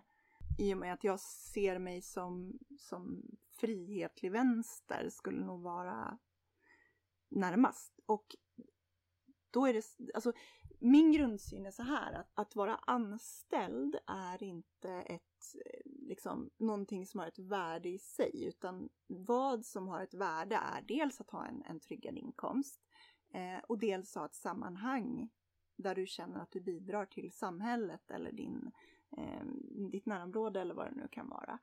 Det är det som är viktigt. Och jag, och jag, tror att det blir när vi, när vi pratar om det som att det skulle handla om, om att det måste vara jobb så är det lite missvisande därför att det handlar, vi borde, målet borde inte vara att få ut fler i anställning. För då har vi fortfarande fokus på vad är det som får det kapitalistiska systemet att rulla? Vad är det liksom som får Eh, vad gynnar företagsägare? Eh, eller vad gynnar konsumenter? Eh, när man kanske istället borde titta på hur får vi de här människorna att bidra till samhället? Och att jobba kan vara ett sätt att bidra till samhället för att du betalar in skatt eh, och du bidrar med tjänster eller på något annat sätt. Men det viktiga för mig är egentligen inte att de liksom får en anställning utan det viktiga är att de, de får ett sätt att bidra till samhället, både för samhällets skull och för sin egen skull där, alltså jag, jag är fullständigt överens med dig om att i det samhälle vi har idag så behöver du det är en oerhörd frihet att ha ett jobb och att ha en inkomst och att inte behöva liksom springa till SOS och be om pengar och sådär. Och att det är en, en, en sak som är jävligt viktig att ha. Eh, även om det inte nödvändigtvis är en del av mitt idealsamhälle, att det ska vara nödvändigt att ha ett jobb på det sättet som vi ser på det idag. Så att jag håller med om att vi behöver få ut människor i sysselsättning. Ja. Jag håller inte med om att det skulle vara ett argument för att sänka, att sänka lönerna till exempel. Eh, eller att betala människor orimligt låga löner. Vi ser ju det här med gigekonomin redan. Eh, det finns en anledning till att de som kör Uber och kör ut mat åt Uber framförallt är ofta människor som inte kan ett ord svenska liksom. Men de tjänar i princip ingenting. Eh, och, och, jag kan förstå så här, jag kan förstå att för många människor som kommer hit så är det fortfarande, de är vana att slita i en, ett omänskligt system. Eh, de är vana att tjäna väldigt lite pengar, att ständigt oroa sig för pengar och så vidare. Och därför så gör de det på ett sätt som inte svenskar skulle göra. För vi är ganska bortskämda med det där. Vi vet liksom hur systemen funkar. Eh, jag jobbade på ett callcenter jättelänge och vi fick liksom hela tiden så kommer det in människor som knappt kan prata svenska och vill söka jobb och vi är tvungna att säga nej du kan inte jobba här för att du ska jobba på telefon. Det, det går liksom inte. Så här, du, du pluggar ju svenska, kom tillbaka när du har plugg för att folk måste förstå det, Jag är jätteledsen. Eh, medan svenska ungdomar skulle, vill inte ens ha de där jobben för att de betalar så dåligt och det är dåliga villkor och så vidare. Och det tycker jag är en bra grej. Ärligt talat. För att i mina ögon så är det så här, ska vi börja prata om att vi måste göra tjänster billigare så att folk ska utnyttja dem, då är man inne på liksom den här wish-ekonomin eh, där man säger att det är rimligt att du ska kunna köpa grejer för 10 spänn från Kina som har tillverkats av barnarbetare i vidriga omständigheter, liksom. för det är din rätt som konsument. Och det tycker jag, jag tycker inte att vi behöver göra det. Jag tycker framförallt inte att vi bör göra det om vi pratar utifrån någon sorts vision, alltså någon sorts politisk vision, utan det vi bör prata om är vad är det vi vill uppnå? Jo, vi vill uppnå att människor känner sig inkluderade i samhället. Vad vill vi inte uppnå? Vi vill inte uppnå en lönedumpning där människor blir utnyttjade. Och sen kanske man praktiskt måste lägga lösningen någonstans emellan därför att samhället är byggt på ett visst sätt. Eh, eller för att man har ett viss mängd pengar som man inte kan fördela hur som helst. Men jag skulle snarare jobba mot att Alltså prata om det som, som ehm, så här. När man pratar om, om arbeten och att det skulle vara ett argument att arbetsgivare inte vill betala löner. Jag tror inte att det är, så här, jag ser inte att det är där problemet sitter någonstans. Då ser jag hellre att vi fokuserar på att titta var finns det behov? Hur kan vi spetsutbilda människor inom saker som de kan göra på samma nivå som en person som har gått i svensk utbildning? Problemet med mycket av liksom jobbmarknaden i Sverige idag är ju att vi har haft en sånt enormt, enormt fokus på, akad alltså på akademiska utbildningar på ställen där det kanske inte behövs eller kanske till och med är korkat. Tittar man på speciellt teknik, alltså tekniska grejer, så utveckla, har det utvecklats så snabbt och utvecklas fortfarande så snabbt att det man lärde ut för tre år sedan kanske inte alls är relevant idag. Och jag ser egentligen inte varför man inte skulle kunna utbilda människor som kommer hit i någonting specifikt för någonting som de kan göra under tiden som de lär sig bättre svenska, under tiden de lär sig det svenska samhället och så vidare. Det skulle jag se som en bättre lösning än att bara säga ja, men vi, vi lönedumpar eller vi tillåter eh, omänskliga arbetsförhållanden liksom, därför att då kommer fler att få en anställning. Eh, jag ser det mer på det som att man borde kunna skapa förutsättningar bättre än vad man gör idag för att faktiskt ha riktiga jobb där man får betalt eh, på ett på en vettig nivå liksom. Och få vettiga förmåner och så vidare. Mm, jag förstår. Men jag håller väl till del med om att det vore mycket bättre om man kunde göra det än att bara lämna folk vind för våg. Absolut. Och jag tror också att det i många fall skulle gå att ha mindre krav på akademisk utbildning, alltså inom Alltså eh, det här att, att många jobb borde ju inte kräva det helt enkelt. Det blir ofta bara någon slags kvalitetsstämpel som inte säger så mycket om själva jobbet i sig. Så jag tror absolut att om man liksom skulle leta efter de fall där man kan hitta folk som ska kunna komma in i svenska lönenivåer liksom, så, så mm. vore det en bra strategi. Men min svårighet är bara att tänka att det här skulle gå liksom all across the board. Alltså just för att det finns en så pass markant skillnad när det kommer till, till, till vissa länder var snittet i utbildningar ligger. Det var en sån här sak som jag inte hade fattat riktigt innan. Och att det tar så pass tid också, alltså att, att det, man är så pass långt bort från arbetsmarknaden, speciellt många, ofta kvinnor i länder där kvinnor traditionellt inte jobbar liksom, eller där det till finns eh, självhushållning att då blir det vore absolut eftersträvansvärt men att det skulle ta lång tid det skulle vara svårt att få in alla människor i det. Det skulle kosta och vara liksom, ja, så långa tidshorisonter så att för mig skulle det här helt enkelt vara ganska mycket av en quick fix liksom att det, det, det vore bättre att, att med, med sådana jobb, eh, även om det skulle skapa liksom en del klasskillnader, än att, att, inte, ha, att inte lyckas så att säga med, med att, att bampa upp alla till liksom en, en svensk lönenivå. Jag ser det liksom ungefär som att väldigt stora delar av världen är liksom på en nivå. Sverige är ett, ett industrialiserat tjänsteekonomirikt land, bland mm. rikast i världen och vi är liksom på en helt annan ekonomisk nivå och att ifall vi ska kunna ha en liksom ganska organisk löpande migration och att människor då kunde komma in i systemen så så verkar det bara för mig svårare att, att alla måste kunna upp till den nivån. Liksom. Ja, alltså det är ju min invändning mot det är väl generellt att tittar man på till exempel USA så har man ju mycket mer oreglerad arbetsmarknad. Alltså du har ju mycket mer där du ser liksom, du ser fattiga människor ha fyra jobb för att kunna betala hyran. Du har en, en underklass som lever liksom det, det är en extremt hög siffra, jag kommer inte ihåg vad den är, men alltså de som le, lever liksom en paycheck från att, att vara fattiga, alltså att vara hemlösa mer eller mindre. Och det var ju någonting som aktualiserades nu i, i och med corona, Eh, krisen. när man stängde ner fabriker och sådana saker. Och det är ju på något sätt den absoluta för mig är ju det liksom den, den, den, det absoluta mardrömsscenariot. Där vi liksom säger att ja, men det här är en quick fix för att få in människor i arbete. Men problemet är att när du är i den situationen där du, där du jobbar fyra jobb för att kunna betala hyran så har du inte jättebra förutsättningar för att ta dig ur det du kan liksom inte klättra vidare eh, och, och, hamna på ett bra jobb där du trivs. Därför att du har inte tid, eh, pengar, energi eh, för att göra det. Utan du fastnar i den liksom, klasstillhörighet, om man ska benämna det så, eller den utsatthet som du är i. Och det är vad som skrämmer mig med att göra det där. Att visst, vi kommer på papper få ut fler i arbete. Eh, så att på papper kommer det se bättre ut därför att vi kommer att ha, oj det kommer in lite skattepengar här, eh, möjligen. och titta, folk i arbete, vi har, en, inga, vi har inte lika många som tar ut bidrag. Men problemet är att deras utsatthet har egentligen inte förändrats i grunden. Utan den enda skillnaden är att de är lika utsatta. De mår förmodligen sämre eller lika dåligt som innan. Och den enda som egentligen vinner på det är de personer som har företagen som får anställa dem billigt. Och för mig så är inte det rent som någon sorts grundideologisk grej så är liksom inte det en, en bra lösning.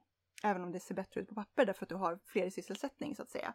Men jag tror inte att det, att det liksom ger de människorna en bättre och mer meningsfull vardag.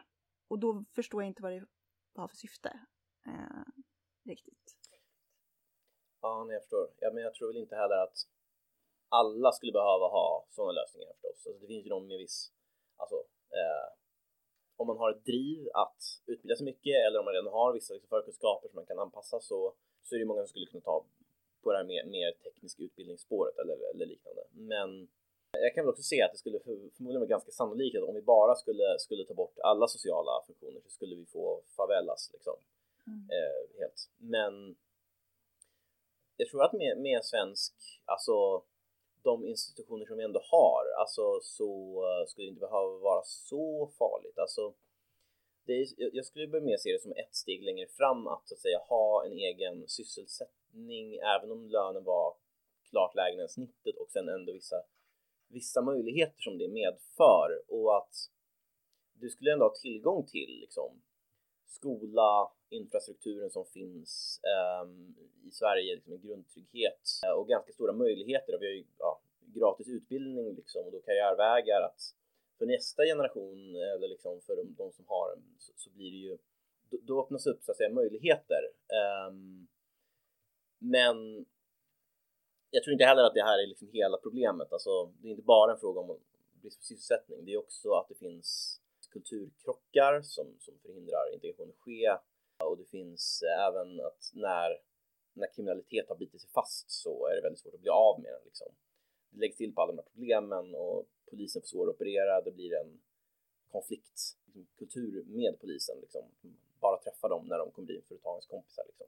Men det är det jag tänker att, så här, för, det för, för det första liksom, jag tänker att man bidrar till den synen, det föraktet för samhället eh, när du tvingar människor att sysselsätta sig på ett sätt som inte är värdigt. Liksom. På samma sätt som du skapar ett förakt för samhället om den enda gången du träffar polisen är när de kommer för att, att trakassera dina polare eller vad det nu kan vara. Liksom. Och mitt mål skulle ju vara att jag tror ju, alltså du känner till, vad är det man säger, Trage Tragedy of the Commons? Ja, uh, absolut. Um, och, och liksom, jag tror att man, man vill ju bygga upp man vill ju bygga upp ett samhälle där människor känner att de är en del av samhället. Och jag tror att genom att låta människor då, man säger att nej men vi, vi vill att du ska ha ett jobb. Vi skiter i om det är ett jobb där du hatar ditt liv. Du sliter arslet av dig för 400 spänn per dag och sen så måste du skatta bort en stor del av det. Alltså så här, där tror jag du skapar ett samhällsförakt eh, där du, där du verkligen känner att du inte är en, en del som uppskattas i samhället och att det är en del av de här utanförskapsområdena. Det är en del av att man på olika sätt vänder sig till kriminalitet och sånt. Därför att man känner att man får ingen hjälp av samhället ändå och då kan man lika gärna slåss mot samhället. Liksom. Mm. Ja, jag förstår. Men eh, jag, jag, tror ju att problemet skulle vara mindre allvarligt ifall vi kunde få till det här. Men jag skulle köpa att det vore bättre ifall, ifall man kunde ha en liksom mer jämn Eh, alltså, det av arbetsrätten som, som jag, för jag är inte helt överens om, om alla liksom arbetsrättsliga eh, åtgärder. Alltså jag skulle kunna se andra saker än att man Alltså vi har ju i praktiken, med gigekonomin så har man ju sett att kringgå mycket av de arbetsrättsliga bestämmelserna som det är. Jag är inte säker på att det är en positiv grej. Jag vet inte om så även om det är jävligt bekvämt att kunna liksom åka billig taxi eller få saker hemkörda eh, för knappt några pengar alls när du köper mat eller så, så ifrågasätter jag också någonstans här, är det vi som individer eller konsumenter tjänar på det här? Även om det är trevligt och bra och sådär, är det värt det faktum att vi skapar en, en underklass med alla de problem som det medför liksom. För det är ju så att det var ju precis som när vi hade liksom, fabriksarbetare så hade du också områden där det fanns massa kriminalitet, där det fanns en massa hat mot samhället, en liksom massa hat mot, mot liksom rika människor i det fallet eh, och sådär. Och jag vet inte, jag är inte säker på att samhällskostnaderna är, är värt egentligen att jag ska kunna få pizza hemlevererat när som helst på dygnet för knappt några pengar. Mm. Ja, nej, jag vet inte, det är så här det skulle vara mycket lättare att tänka sig att ha en ordentlig, liksom, mer ideologisk debatt om det här. Ehm, ifall det vore möjligt. Vad, vad som jag föredrar, om det vore så att jag kunde tro att, att bara det skulle finnas något alternativ på en så storskalig nivå liksom.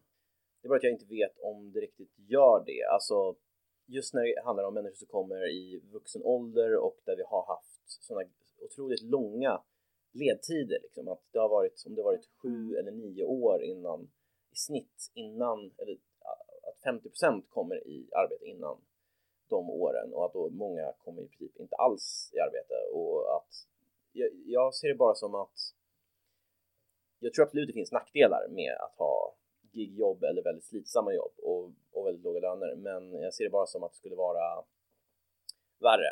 Just den situation som nu ses som bland de värsta tänkbara, alltså att du har många människor som inte, att man både har möjligheten att att klara sig att sitta hemma och att man inte har något alternativ till att sitta hemma, knappt något alternativ, så mm. blir det Sysselsättning tror jag nog ändå i, i väldigt många fall är bättre än inte sysselsättning. Eh, om det inte... Det tror jag, jag, jag, vet inte om det skulle vara så här, om, om det skulle vara typ kolgruvor liksom, där man skulle få sjukdomar så då, då skulle jag också börja protestera mm. liksom. Men, eh, men, men, men jag tror att man skulle kunna få igång processer som började vända det här då i alla fall. Man får lite kontakter, lite liksom möjligheter, lite kapital att röra sig med.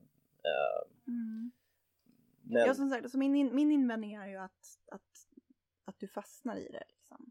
Eh, jag är ju som, jag är som sagt, jag jobbade på ett callcenter, vilket också är så här, timanställning, liksom dåligt betalt, jävligt du bara får skit hela dagarna. Alltså det är, så här, det är inte det roligaste jobbet eh, att ha. Och, och liksom man klarar det ett tag men alltså det sliter ju ner en som människa. Du mår ju pissdåligt efter ett tag. Och problemet är ju att om du då är i en, i en, en sits där du, där du inte kommer, du kommer göra det där resten av ditt liv. Så jag vet inte, tänk på liksom vad är det du, vad ger du dina barn för framtidshopp när du sitter och vet att det känns som att samhället har svikit mig, att det känns som att jag inte liksom får hjälp att göra någonting vettigt med mitt liv och sådär. Mm. Vad, vad lär du dina barn då? Vilken respekt för samhället har du och vilken respekt för samhället sprider du till folk i din närhet? Jag vet inte, det, det är alltså, vi kanske, så är det så att det, vilket det gör, eh, att det liksom saknas jobb som du inte behöver teknisk utbildning till eller någonting annat. Vi kanske borde prata mer om, kan vi skapa den här typen av jobb? Liksom. Vi har ju uppenbarligen lyckats skapa liksom en gigmarknad som, som, eh, som går runt eh, på mer eller mindre moraliska eller så etiskt hållbara grepp. Men så bevisligen liksom finns det ju, det finns ju ett utrymme för att skapa nya marknader. Och jag tror att vi kommer behöva titta på det mer framöver i takt med att vi automatiserar mer och mer. Liksom. Mm. Så min lösning skulle väl snarare vara att i det fallet, om vi nu har automatiserat bort kassörskor till exempel i mat, matbutiker, var går pengarna som tidigare gick till de här kassörskornas anställningar? Mm. De går inte tillbaka in i samhället, vilket de gjorde förut på samma sätt. De gör det i viss mån, men ta pengarna, ta en del av pengarna som gick till kassörskorna, lägg det på någonting annat. Eh, en annan, ett annat jobb liksom. Mm. Eh, istället för att de går uppåt i kedjan och så måste man skapa jobb till en ny underklass. Right. Jag tror att det är en lång ekonomisk debatt om man skulle, om man skulle reda ut det. Men, ah. men jag tror i alla fall, jag vet inte om det här heller är jättemycket motsättningar i alla samtliga fall. Alltså, jag kan tänka mig många situationer att det, där det inte nödvändigtvis skulle försämra möjligheten att senare göra någonting annat eller liksom få en möjlighet att göra någonting annat ifall du, du skulle ha ett sånt här jobb mot att du är eh, arbetslös liksom. Eller det, är väl om du, det är väl om du känner dig tvungen att till exempel gå till det här jobbet för att kunna betala hyran istället för att du utbildar dig till exempel eller att du kanske jobbar på ett ställe eftersom, och det är så dåliga arbetsvillkor att alla som jobbar där är eh, andra invandrare vilket gör att du inte integreras och lär dig språket bättre. Alltså det finns ju sådana grejer som du behöver titta på som är olika beroende på arbetsplats såklart. Men har man ett skitjobb så har man inte jättemycket ork att kanske gå till SFI-klasser eh, eller sådana saker och det skulle kunna vara ett problem. Mitt största, alltså min största liksom farhåga rent integrationsmässigt just nu är ju att vi ser så stora skillnader mellan skolor i olika områden. Mm. Det gör mig jätteorolig därför att skolor och utbildning, alltså en likvärdig och bra utbildning är ju en förutsättning för att kunna göra en klassresa överhuvudtaget. Och det är också, tror jag, en av anledningarna till att vi har haft så små klasskillnader i Sverige. Därför att alla har kunnat utbilda sig. Och har vi då skolor där folk i ganska stor utsträckning inte blir godkända från sina studier så har vi ett jättestort kommande problem liksom, där kommande generationer inte heller har en chans att komma någonstans i livet. Ja. Så det känns akut just nu för mig liksom, att titta mm. på. Ja, jag har på med skolfrågor förr. Det är, mm. det är verkligen ett dilemma tror jag också. Men det tror jag ändå att jag kan också, skulle också kunna tänka mig det här, köpa det mer med SFI ifall det då oftast skulle leda fram till eh, ett bättre jobb eller kunna leda fram till det. Det är bara mm. att det känns som att det inte det känns som att, det, att med de system vi har så har det inte räckt eller varit närheten av att räcka.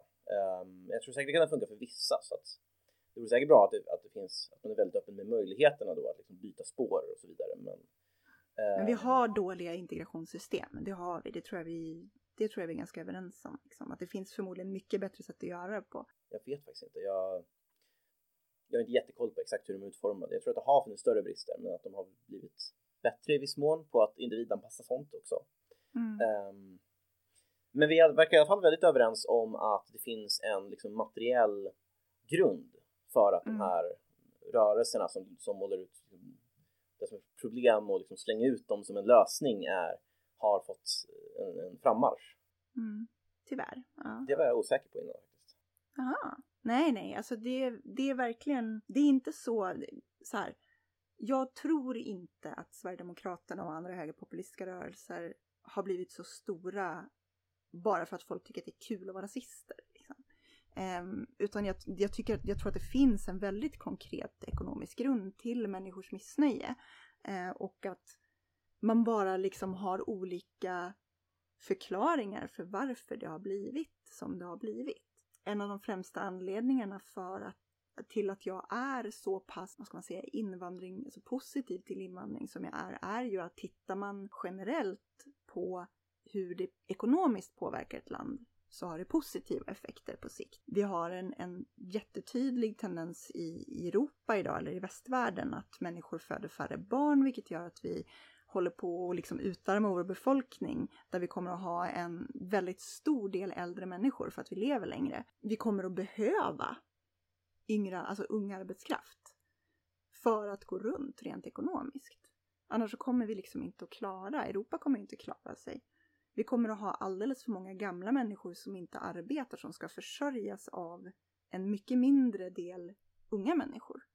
Så att det finns liksom faktiska ekonomiska och, vad ska man säga, politiska fördelar eh, med invandring också. Invandring när den fungerar liksom, eller när man, när man kommer i jobb? Ja, alltså när, när man lyckas med integration eh, så, så liksom är det någonting som gynnar samhället och någonting som vi faktiskt behöver. Mm. Sen så tycker jag väl kanske att vi i mångt och mycket har varit dåligt förberedda för de utmaningar som det skulle presentera och att vi förmodligen jobbar på att göra bättre. Men jag vet inte. Jag har svårt då att förstå varför man skulle vara invandringskritisk när man kan vara systemkritisk. Det är inte människorna som kommer hit som är problemet. Det är det faktum att systemen inte funkar för att integrera dem eller för att ge dem de förutsättningar som de behöver för att vara produktiva eller vad det nu kan vara. Sen kan man prata om personligt ansvar hur mycket man vill, men om, om majoriteten av en gruppering inte lyckas bli produktiva medlemmar i samhället eller integrerade medlemmar i samhället så är det nog inte bara en individuell fråga utan en strukturell fråga och en politisk fråga. Mm. Det är det här som gör det svårt därför att jag tror också att det finns en ganska materiell bas för det. Så jag tror snarare att internationellt sett, om man kollar på svenskars attityder, om man kollar på vår utbildningsnivå och så vidare, så är vi ett ganska antirasistiskt land. relativt sett. Alltså, det är nog, jag tror ändå att idén om att liksom skilja på människor baserat på hudfärg är ganska få som, som har. Och eh, jag tror att de flesta i Sverige skulle också vilja vara ganska positiva liksom till. Men att just vi har haft eh, en särskilt svår situation. Därför att vi ändå har haft en per capita rätt stor invandring och vi har haft vi har lyckats rätt dåligt med integrationsbiten jämfört med många andra länder. Um, mm. Och det kluriga är bara om vi har helt olika, eller ganska olika lösningar i alla fall. Uh, jag tror verkligen att det känns som att debatten om det borde ju ha kunnat, alltså vi, man borde kunna ha initiativet mer, alltså i att, att lösa det här. Jag förstår ju ändå att, att folk upplever det som jag kan förstå att man blir invandringskritisk eller populistisk om man liksom köper att det, det, det här är ett motsatsförhållande. Liksom. Vi har lite av ett mm. nollsummespel och vi måste ge lite av våra resurser liksom, och sen så får vi ändå inte bra integration. Jag, jag, tror också att det är svårt att från mitt perspektiv få bort den motsättningen helt. Alltså om man till exempel skulle ha låglönejobb så skulle det kunna påverka andra löner. Liksom. Mm. Um, det finns möjliga liksom, intressekonflikter då. Uh, om man skulle, även om man skulle ha offentlig utbildning av liksom, olika personer så det, det, det kostar pengar liksom. Det, det blir konkurrens om utbildningsplatser. Alltså, det går alltid att hitta grupp mot gruppkonflikter om man liksom har det mindsetet. Så att jag ser också att det, det finns ett idéproblem. Liksom. Ja, absolut. Och, alltså mitt problem är ju som sagt att man fokuserar på de här gruppkonflikterna istället för att fokusera på liksom de stora alltså strukturerna när man kritiserar saker. För mig blir det väldigt konstigt att börja prata om så här, ja problemet är, eh, vi säger så här, eh, invandringen kommer kosta så här mycket för svenska skattebetalare. Och så får du en grupp som säger, tänk på de stackars pensionärernas syltransoner. Och den andra gruppen säger, vi har det så bra så vi ska vara beredda att betala mer skatt för att vi ska kunna ge tillbaka pengar till invandrare. Men egentligen så blir det på något sätt en, en falsk diktomi därför att det finns människor som tjänar väldigt mycket pengar fortfarande i Sverige, då, som tjänar pengar på invandring, som tjänar pengar på att vi istället för att prata om saker som omfördelningspolitik eller som skattesmitare eh, eller sådana saker fokuserar på folket, alltså på vanliga folkgrupper, vilket vad vi gör. Vi ställer vanliga grupper av människor mot varandra istället för att prata om hur, hur är det rimligt att vi räddar banker i finanskrisen med en massa pengar? Hur är det rimligt att vi ger pengar till, vad var det nu senast man gav pengar till Saab för att kompensera dem för coronakrisen? Samtidigt som deras ägare tog ut miljontals i vinster. Liksom. Alltså det är ju, det samtalet finns inte riktigt idag. Vänstern har lite tappat det samtalet också, eller gjorde. Därför att man var så fokuserad på att prata om antirasism utifrån, alltså mer alltså som att det var folket mot folket istället för att prata om, i det här fallet då, storföretag eller vad det nu kan vara. Eh, vilket också är en typ av populism givetvis. Men jag, är inte, jag motsätter mig inte populism. Jag tycker bara inte att man ska ljuga. Jag vill säga det är så här vänsterpopulism istället för invandringskritisk populism. Ja, uh, det är, alltså, jag tror att det skadar färre om jag ska vara helt ärlig. Ja, jag vet inte. Jag eh, tror, jag, jag skulle förutspå att jag tror att det kommer bli svårt för att, att hitta en sån linje. Jag, jag tror att vänstern kommer bli allt mer inne på liksom socialism i ett land. Um, mm. Just för att man inte vill ha de här gruppkonflikterna som jag tror att det är svårt att komma runt överhuvudtaget i ett vänstersystem. Liksom. Men, eh, men absolut, det är ju um, om man verkligen skulle ha en sån debatt så skulle det förstås bli ett annat eh, fokus om det var konfliktlinjen. Liksom. Jag, jag, jag tror inte så mycket på, på den. Eh, Nej, men det är en exempel. diskussion man kan ha. Alltså det är, en, det är en debatt du kan ha som inte lägger allt fokus på utsatta individer i samhället. Liksom. Det är det ju, men jag tror inte, mer inte att lösningen ligger åt det hållet um, och att det därför inte liksom heller kommer att köpas riktigt. Men, eh, men eh, ja, vi kanske inte kommer att, att enas helt om det här helt enkelt. Nej, jag, jag, tror att det är där vi är nog mest oense. Men egentligen så vill jag, alltså jag är ju, jag är ju antiauktoritär i grunden, så jag vill ju egentligen bara ta makten från alla makthavare. Liksom. Det innefattar ju storföretag och politiker. Ehm, så att... Mm. Ja. Där är det återigen en fråga om var, var min liksom ideologiska vision är och vad jag ser som rimliga steg i det samhälle vi lever i nu. Så, mm. lite grann. Ja, fattar. Nej men, eh, vi kanske får återkomma till det här någon gång. Ja, jag känner att jag eh, får plocka fram lite siffror eh, och sådär. Det, det, är svårt, jag kan, alltså det är svårt att prata om ekonomiska lösningar utan att ha liksom, siffrorna framför sig. Eh, även om man kan prata ideologiska lösningar eh, i bredare drag på något vis. Ja, verkligen. Det här har varit två ganska olika perspektiv helt enkelt. Mm. Uh, Okej, okay. uh, feminism. Feminism. Ett av mina favoritämnen. Härligt.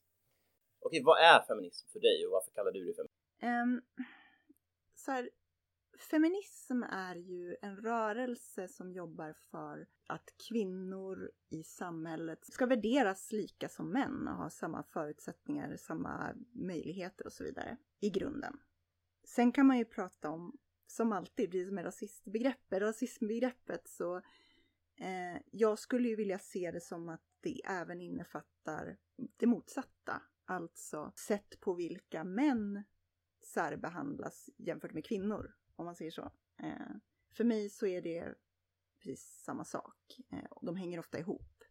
Tittar man på till exempel faktumet att män eh, tvingas, har, tvingats göra värnplikt eller kriga så är det ganska tätt förknippat med bilden av att kvinnor är svaga eller inte kan klara sig själva och så vidare. Alltså att de, de speglar alltid varandra.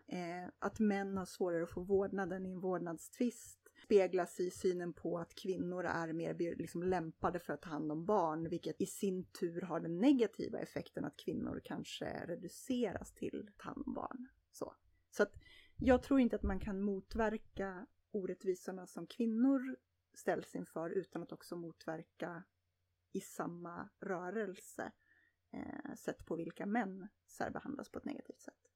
Så att för mig så innefattar det egentligen Eh, begreppet eller tanken om att du ska kunna du ska inte, du ska inte dömas eller särbehandlas utifrån din, ditt kön i samhället. Mm. Jag tror ändå att jag verkligen föredrar den varianten. Ehm, det, det, det, känns som att ibland finns en, en vanligare attityd är att liksom, om man lyfter problem som drabbar män specifikt att åh, behu, män är ändå privilegierade, liksom, varför Mm. Men att det feminism jag stö först stötte på var ju väldigt tydlig med att vårt mål är att liksom avskaffa osköna könsnormer. De drabbar även män, speciellt när män inte kan leva upp till mm. könsnormer. Så att, um, och att, att, då blir det ja, både en mycket mer universalistisk idé liksom och att mm. du, du har lättare att få fler allierade och det blir liksom mer skönare inställning ja. också när det blir bara grupp mot grupp liksom. Mm. Alltså framförallt så, jag har så svårt att förstå människor som ser på det så, som ser på det som att feminism ska handla om kvinnofrågor, punkt. Både för att det jag nämnde, att orättvisorna som drabbar män är väldigt ofta andra sidan av myntet av någonting som också drabbar kvinnor. Eh, om, om kvinnor ses som att de bara kan ta hand om barn och laga mat så kommer det leda till att män i större utsträckning tvingas eh, slita för att försörja sin familj medan kvinnor tvingas in i att göra någonting. Så att, alltså, motsättningen är det som skapar problem. Så att i mina ögon så är det liksom omöjligt att bekämpa det ena utan att bekämpa det andra. För det andra så har jag aldrig riktigt förstått för det första varför jag skulle förespråka en ideologi som inte jag tror skulle gynna de allra flesta i samhället. Om jag trodde att feminismen inte skulle gynna män också så skulle jag ha väldigt svårt att, att företräda den eller säga att jag ser mig själv som feminist. Och sen är det bara rent strategiskt skitdumt. Om man nu ser på samhället som att män är de som har den större makten så är det väl väldigt konstigt att driva en rörelse som inte på något sätt visar på fördelarna för dem. Ur en strategisk synvinkel liksom.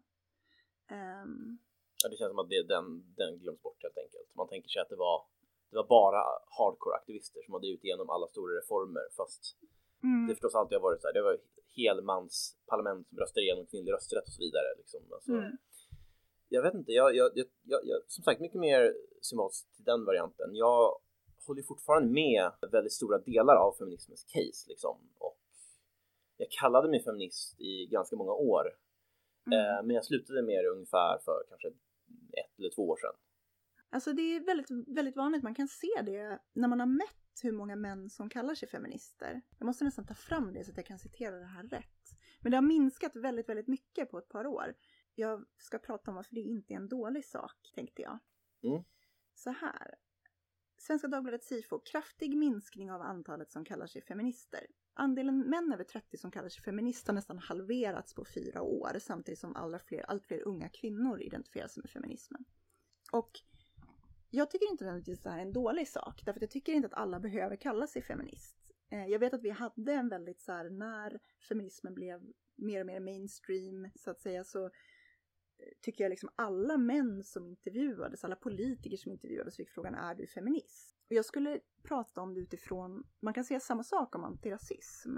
Att du kan vara för att kön inte ska särbehandlas eller att människor av olika etnicitet inte ska särbehandlas utan att för den skull kalla dig feminist eller antirasist. Därför att feminism eller antirasism, eh, framförallt feminism, handlar ju mer om eh, en analys och en ideologi och det, liksom, om du inte sysslar med den typen av analys och ideologi så behöver du inte kalla dig feminist för att tycka att man ska behandla folk lika.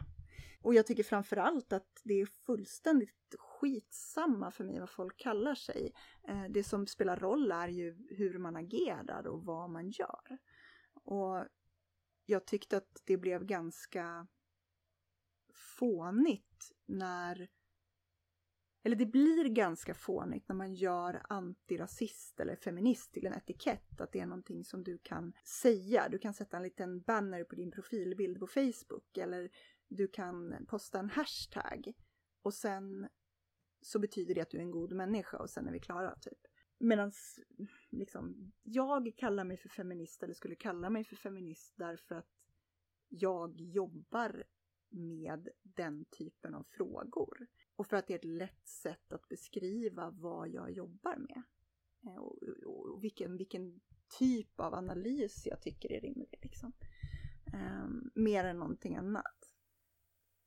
Ja, det är ju... Of ja, fortsätt. Oftare beskriver jag det som att jag skriver om jämställdhet. Liksom. Därför att jämställdhet eller jämlikhet innefattar alla typer av särbehandling. Eh, allt från liksom, kön till sexuell läggning till etnicitet och så vidare. Det är nog en, ett bättre paraplybegrepp för det jag gör liksom, och det jag tycker är viktigt. Sen kan jag ha en feministisk analys som bidrar till det arbetet. Just det, nej men det är klart att det blir ganska innehållslöst ifall det blir mest, mest en signalgrej som du har. Mm. Um, jag tror att jag blev det från början för att det fanns uh, en definition som jag kunde köpa och sen så har jag kommit mm. på att jag inte längre riktigt gör det. Mm. Um, det var någon som drog det från början för mig som att det var, det var eh, jag tror att det fanns tre olika premisser eller något sånt där. Att man pratar om att man ser att samhället gör skillnad på män och kvinnor, liksom delar upp det, de i olika roller. Att mm. sen att, att de, av de rollerna så är det mest kvinnan som är missgynnad eh, i regel. Och tredje premissen då att man vill förändra det här ungefär. Mm. Um, det, det, blir ju så att det är både en analys och ett program då för att för man vill göra politiskt med det. Eh, och det jag insåg var väl ungefär, jag tror att samhället delar upp i sådana roller. Jag tror dock att det finns medfödda skillnader som i ungefär minst lika hög grad i alla fall spelar in där. Och det behöver ju inte vara en motsättning egentligen mot liksom att det också finns könsroller, att det också finns medfödda skillnader. Men när det då kommer till det här ändra på biten så ser jag att Ja, jag vill inte ändra på uh, lika många saker som jag tror att Nej, okay. de flesta feminister vill. Mm, Okej, okay. vad vill du inte ändra på till exempel? Okej, okay, men om vi tar um, den klassiska konflikten då. Vad är det som, som är resultatet av uh, diskriminering, förtryck eller att man har lärts in i vissa roller som man egentligen liksom inte skulle, alltså att man ägnar sig åt saker eller beter sig på ett sätt som man inte skulle gjort utan de här bara, bara rollerna eller inlärda beteendena. Mm. Där, tror jag att jag, jag inte har en feministisk världsbild liksom, i, i, så hög grad som, som de jag ser oftast. Um, jag vet inte om man ska ta för exempel, om vi kan ta det här till, till, till olika yrkesval liksom, i stor utsträckning. Mm, den brukar ju vara en klassiker. Det finns någon norsk studie tror jag som folk brukar referera till. Jaha, jag vet inte om jag sett den. Um... Ja, men det, det var någonting om att, att folk i mer... Jag tror att det var så här, folk i mer jämställda länder väljer i större utsträckning könsstereotypa yrken än de gör i till exempel Indien som är extremt sexistiskt. Jag tror att det är det som är... Ja, just det. Jag vet inte om jag kollar på den, men, men det jag skulle vilja se i allmänhet är bara att jag tror att de här, att det finns reella skillnader i liksom personlighetstyp, läggning på det sättet. Inte speciellt stora skillnader i, i förmågor. Har, har sett att det finns på vissa områden, men, men att det gör att man söker till olika saker och att liksom, varaktiga skillnader därför på olika liksom, arbetsplatser inte behöver vara ett resultat av sexism, eh, inlärda könsroller och så vidare, utan mer, mer utan, utan en följd av, av sådana medfödda skillnader. Mm. Sen att utöver det här kan finnas en, en hel del inlärt också. Men att det finns en hel del där som jag inte då skulle se som problem som man behöver fixa. Mm. Om vi, alltså om vi har, för nu, nu är du ganska vag. Och det är okej, för vi kan prata, det är ganska bra att prata vagt så här rent. Mitt problem med den synen, eller så här, nej. Eh, jag tolkar det som till exempel att du skulle motsätta dig eh, kvotering av kvinnor i vissa sammanhang eller sådana grejer. Det är sånt du inte tror på. Fattar jag rätt då? Det, det är till och med mer radikalt än så. Jag tror jag motsätter mig kvotering även när jag kallar mig feminist. Jag, jag är nog egentligen helt emot att ha det som målsättning ens. Att, att det ska vara jämn könsfördelning? Ja, precis. Eller ens ganska jämnt. Liksom. Det beror, beror, på vad det är för, för bransch liksom, och varför den finns. Utan snarare att det äh, att, att ha det som målsättning överhuvudtaget. Kvotering tror jag skulle jag säga som fel, även om jag tror, såg en, att det var ett strukturellt strukturell ojämlikhet mm. som berodde på uppfostran. För där, där kan jag se till exempel dels så att, att man då inte beröm, berömmer på meriter i sig och dels att en subgrupp av en befolkning kan, kan det finnas skillnader i även om, om skillnaderna generellt mm. där. Men, men, men jag ser det som mer grundläggande så ser jag som att det inte alltid är ens ett politiskt mål att ha mm. Alltså det politiska målet borde ju vara rimligtvis att, se till att förutsättningarna och möjligheterna eh, är samma för alla oavsett vilka fysiska delar eller färger de har. Det är väl den grundläggande förutsättningen och då är det ju beroende av eh, olika typer av analyser på ser vi att det finns hinder för det idag till exempel? Ser vi att färre kvinnor för det, jag, alltså jag, så här, jag, jag håller kanske med dig till viss del om att jag tror inte att, att du nödvändigtvis behöver ha du kan liksom inte mäta ett samhälle med måttstock och stå och säga att det måste vara 50% kvinnor på alla arbetsplatser annars finns det strukturella problem.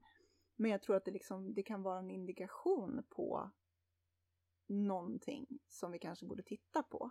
Jag tror till exempel att det finns biologiska skillnader men problemet med många människor som pratar om biologiska skillnader är att man, när man säger att det finns medfödda biologiska skillnader, det finns ju feminister som gör det också för övrigt, det finns ju liksom särsfeminister som tycker att man inte ska se män och kvinnor som att vi är lika.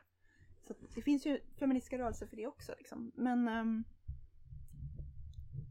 och, och, där kan man ju jobba, prata mer om, och, om man nu tror på det, eh, som du säger Eh, att du gör, alltså att det finns biologiska realiteter som gör att vi till exempel väljer olika yrken, om vi tar det som exempel.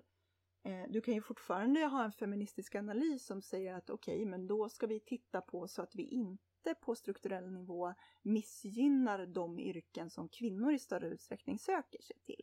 Eh, vilket är en av sakerna som till exempel så kan man liksom se att, att eh, traditionella arbetaryrken som svetsare och sånt som är mansdominerade har mycket högre ersättning än en undersköterska. Och då kan man prata om varför är det så? Är det för att vi värderar omhändertagande kunskaper och förmågor, vi nedvärderar dem. Och om de då har varit traditionellt kopplade till kvinnor så är ju det liksom en del av problemet. Så att du kan ju fortfarande ha en feministisk analys och jobba för en feministisk politik utan att säga att vi måste jobba för 50-50 i alla bolagsstyrelser eller vad det nu kan vara, eller i alla yrken.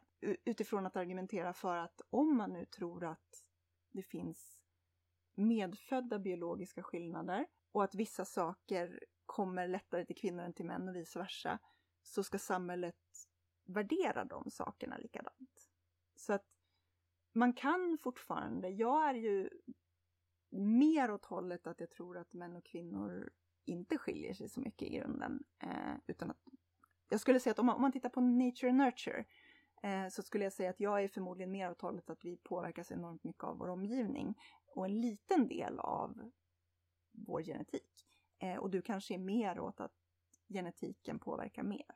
Eh, men oavsett det så kan du ju ha en feministisk analys som går ut på att är det nu så att kvinnor föds med mer omhändertagande gener så kanske vi ska värdera omhändertagande. Eh, för att det är någonting som samhället behöver. Så, man, så det behöver inte vara, bara för, även om man tror att det finns liksom medfödda skillnader mellan könen eh, och att de är signifikanta och att vi inte borde jobba bort dem. Då kan man istället jobba för att, upp, att värdera upp de traditionellt kvinnliga egenskaperna. Till viss del så är det här kopplat till att liksom mycket av de här traditionellt manliga egenskaperna som att vara risktagande eller att vara eh, mer aggressiv och sådär gynnar sig, alltså det, det gynnar en ju mycket mer i samhället. Ganska mycket. Eh, alltså vill du ha en löneförhöjning så gynnar det förmodligen dig att vara jävligt kockig och jävligt aggressiv på ett annat sätt än det lönar sig att vara trevlig och diplomatisk som kanske är mer liksom kopplat till de kvinnliga eh, attributen. Så att i, grund, i grunden så eh, kan man liksom jobba för samma sak även om man oavsett om man tror att vi påverkas av genetik eller av, en, av eh, vår eh, omgivning så kan man liksom jobba för samma typ av lösningar tror jag. Mm. Men jag tror att jag, jag är överens med mer av det. Det blir då inte en sån mm. variant av feminismen som jag som var den här definitionen, den var ju liksom just att det är, det samhället som ska ha skapat de här skillnaderna mm. liksom. Och det är där, där jag ser, det, det är som du säger, det, jag tror att det finns eh, vissa egenskaper där som, som ger verkliga utfall. Jag är väl ganska långt och jag, jag är liksom, egentligen så är väl att det är en mix av nature och nurture, eh, men att det finns eh, om till exempel just skillnader i aggressivitet, skillnader i intresse och i liksom livsprioriteringar också mycket. Att det är så här, något färre kvinnor som gillar att jobba liksom 70 timmars veckor. Eh, det, här, det här är någonting som bara då påverkar liksom väldigt extrema yrken, men det är ofta de man tittar på liksom. Så jag tror inte någon gillar att jobba 70 timmars veckor i grunden.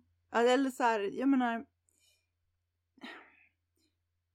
Tittar man på hur, hur män har behandlats av samhället historiskt så är det ju väldigt mycket att män finns till för att du vet, du vet man brukar prata om eh, liksom att kvinnors kroppar är allas egendom. Alltså att alla ska kommentera kvinnors utseenden, ska ha åsikter om deras reproduktion och så vidare. Eh, den manliga motsvarigheten till det är ju att män, mäns kroppar har ju också alltid sett som allas egendom så tillvida att du förväntas slita ut sagda kropp genom att du ska jobba för att försörja din familj. Du ska vara villig att dö för ditt land. Eh, alltså alla de här sakerna. Och, och, det tror jag liksom är någonting som är väldigt tätt kopplat till vår roll av vad det är att vara en man. Alltså att en man ska försörja sin familj. Eh, jag tror att betydligt fler män skulle ha problem med tanken på att inte kunna försörja sin familj än kvinnor. Kvinnor är mer okej okay med att säga ja men jag tar ut mer mammaledighet för att vara hemma. För att män förväntas vara de som drar in pengarna. Liksom. Mm. Eh, och jag tror inte att det går, alltså så här, oavsett om man tror på att det här är medfött, att det är så att män har någon sorts jobbgen som gör att de vill jobba mycket mer och kvinnor har en, eh, en bebisgen som gör att de älskar att ta hand om bebisar. Eller om man tror att det här är någonting som har formats av våra förväntningar. Så kan man ändå, liksom, man måste ändå kunna se att det är någonting som i, i förlängningen gör ganska mycket skada. Alltså när vi tillskriver det här, på samma sätt som rasism gör skada. Där vi tittar på och säger, ja men du är brun så du måste gilla kasta bögar från hustak och, eh, eh, inte vet jag, allting annat som muslimer, som muslimer tillskrivs liksom.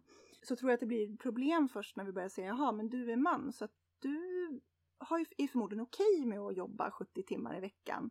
Eh, och det förväntas av dig för att det är någonting som du kommer med liksom direkt ur lådan. Eh, och du är kvinna så att du måste väl gilla att ta hand om barn. Och jag tror liksom inte att vi kommer ifrån den typen av kategorisering helt och hållet. För att vi har den här tendensen att se på, på saker som vi inte känner till som annorlunda. Eh, men jag tror att det gör väldigt mycket skada på samma sätt som rasism gör skada. Eh. Jag tror att jag är med ganska mycket. Alltså jag är ju, som sagt, jag håller fortfarande med om stora delar av feminismens case. Jag tror inte att alla könsnormer så att säga är bra. Jag tror väl att problemet för mig är väl att jag skulle gärna vilja se att man flyttar paradigmet ganska mycket åt det hållet som i att, att om, om, vi bara tar 70 timmars veckor snabbt. Det, det, jag tror inte att det ens är en förväntan på de flesta män. Alltså jag tror att de flesta män skulle bli utslängda alltså, av sina fruar liksom, ifall de var borta hela tiden. Men extremt mm. framgångsrika liksom, i smala fält män skulle vara liksom eh, där det liksom typ krävs för den nivå konkurrens som råder. Så till exempel tror jag att jag kan förklara en del skillnader. Men Problemet är väl att vi tenderar att se det på ett nästan så här antikt eller Aristoteles sätt liksom att vi ser att fler män är på det här sättet än kvinnor. Så tänker vi, ja men vad är då en man? En man är en sån som, som gör på det här sättet i motsats till en kvinna då så att då ska du som man göra på det här sättet liksom, för att vara mer man. Mm. Då blir det ju en väldigt inskränkande funktion liksom, av det. Så jag, jag, tror inte heller att jag tror att det är svårt att komma ifrån att om, om män på en generell nivå är mer kanske risktagande, om kvinnor på en generell nivå är mer, mer barnorienterade så tror jag det är svårt att komma ifrån att folk ska ha en viss bild av det här. Liksom, att, att folk, det här kommer, det här kommer liksom sätta sig på folk ändå eh, i viss mån. Men att jag tror verkligen att vi borde komma ifrån det här inlåsande sättet att, att göra sådana normer på. Att det blir då att, jag, jag gillar ju normbrytare, liksom. men det är ju också för att de faktiskt bryter mot enorm. Alltså att de, de kan liksom steppa utanför det här. Mm. Um, att om man skulle ha utrymme för överlappning mellan män och kvinnor och, och att, att folk kan kliva utanför sådana här roller så tror jag säkert att det vore mycket bättre. Men, men inte så farligt att de fanns där överhuvudtaget. Typ. Det, det feministiska motargumentet generellt mot det du sa om att fler män jobbar 70, kan jobba 70 timmars veckor och så vidare. Det feministiska standardargumentet mot det skulle ju vara till exempel att kvinnor i mycket större utsträckning gör arbete i hemmet till exempel. Eh, vilket gör att om män inte lägger de timmarna på att stressa över om barnen behöver nya strumpor eller vad man ska bjuda på för middag eller sådana saker så lämnar det utrymme för att lägga den tiden och den energin på jobb.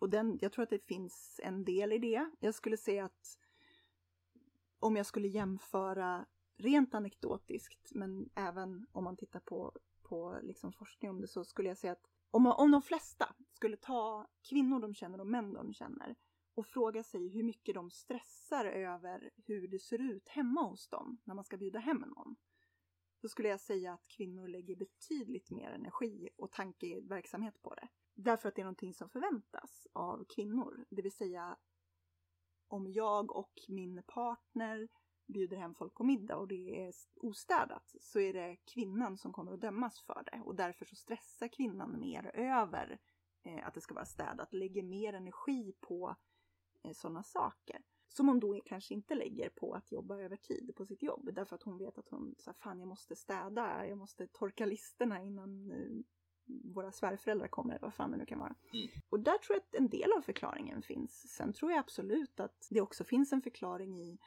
att män i mycket större utsträckning tävlar. Alltså att man har en helt annan tävlingskultur där man söker framgång på ett sätt som kvinnor inte gör. Och det är väl liksom också tror jag en så bidragande orsak till att vi har en, en, en liksom problem med incelkultur och allt det där. Där du har män som känner att de inte kan leva upp till eller inte vet vad de ska leva upp till i samhället. Eh, och inte känner att de, de tar ofta väldigt ofta ut det på sin omgivning. Eh, på ganska, ganska liksom jobbiga, och, jobbiga sätt. Eh, och jag tror inte kvinnor tävlar på samma sätt eller att de känner att de, de har samma prestige i Eh, att de måste uppnå saker, att de måste eh, göra karriär och sådär. Eh, och det, det är ganska mycket stress. Liksom. Så att det, jag, jag, tycker fortfarande att det i väldigt stor del handlar om hur vi lär oss att vi är lyckade. Hur vi lär oss att vi är en bra del av samhället, hur vi lever upp till normen. Där den kvinnliga normen är mer kopplad till saker som hur fint du har hemma eh, och den manliga normen är kopplad till hur snygg bil du har.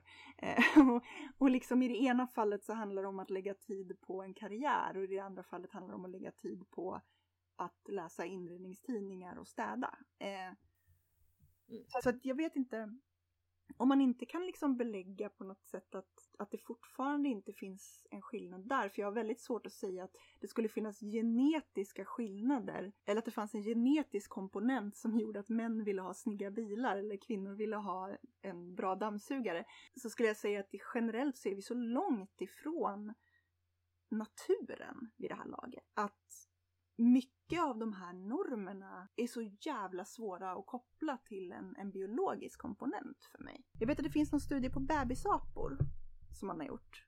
Eh, där man ser att flick, flickbebisapor söker sig mycket mer till dockor. Alltså så. Eh, och pojkbebisapor söker sig mycket mer till bilar. Och då var väl liksom tanken att den manliga hjärnan dras mycket mer till teknik. Liksom, så eh, Medan den kvinnliga hjärnan dras mer till ansikten. Alltså till ta hand om. Så. Och det är mycket möjligt att det finns liksom en, en sån komponent. Vi vet ju att hormoner påverkar skitmycket. Vi vet att eh, saker som olika ämnen i hjärnan påverkar. Alltså vi, det är så jävla mycket vi inte vet om hur vi funkar.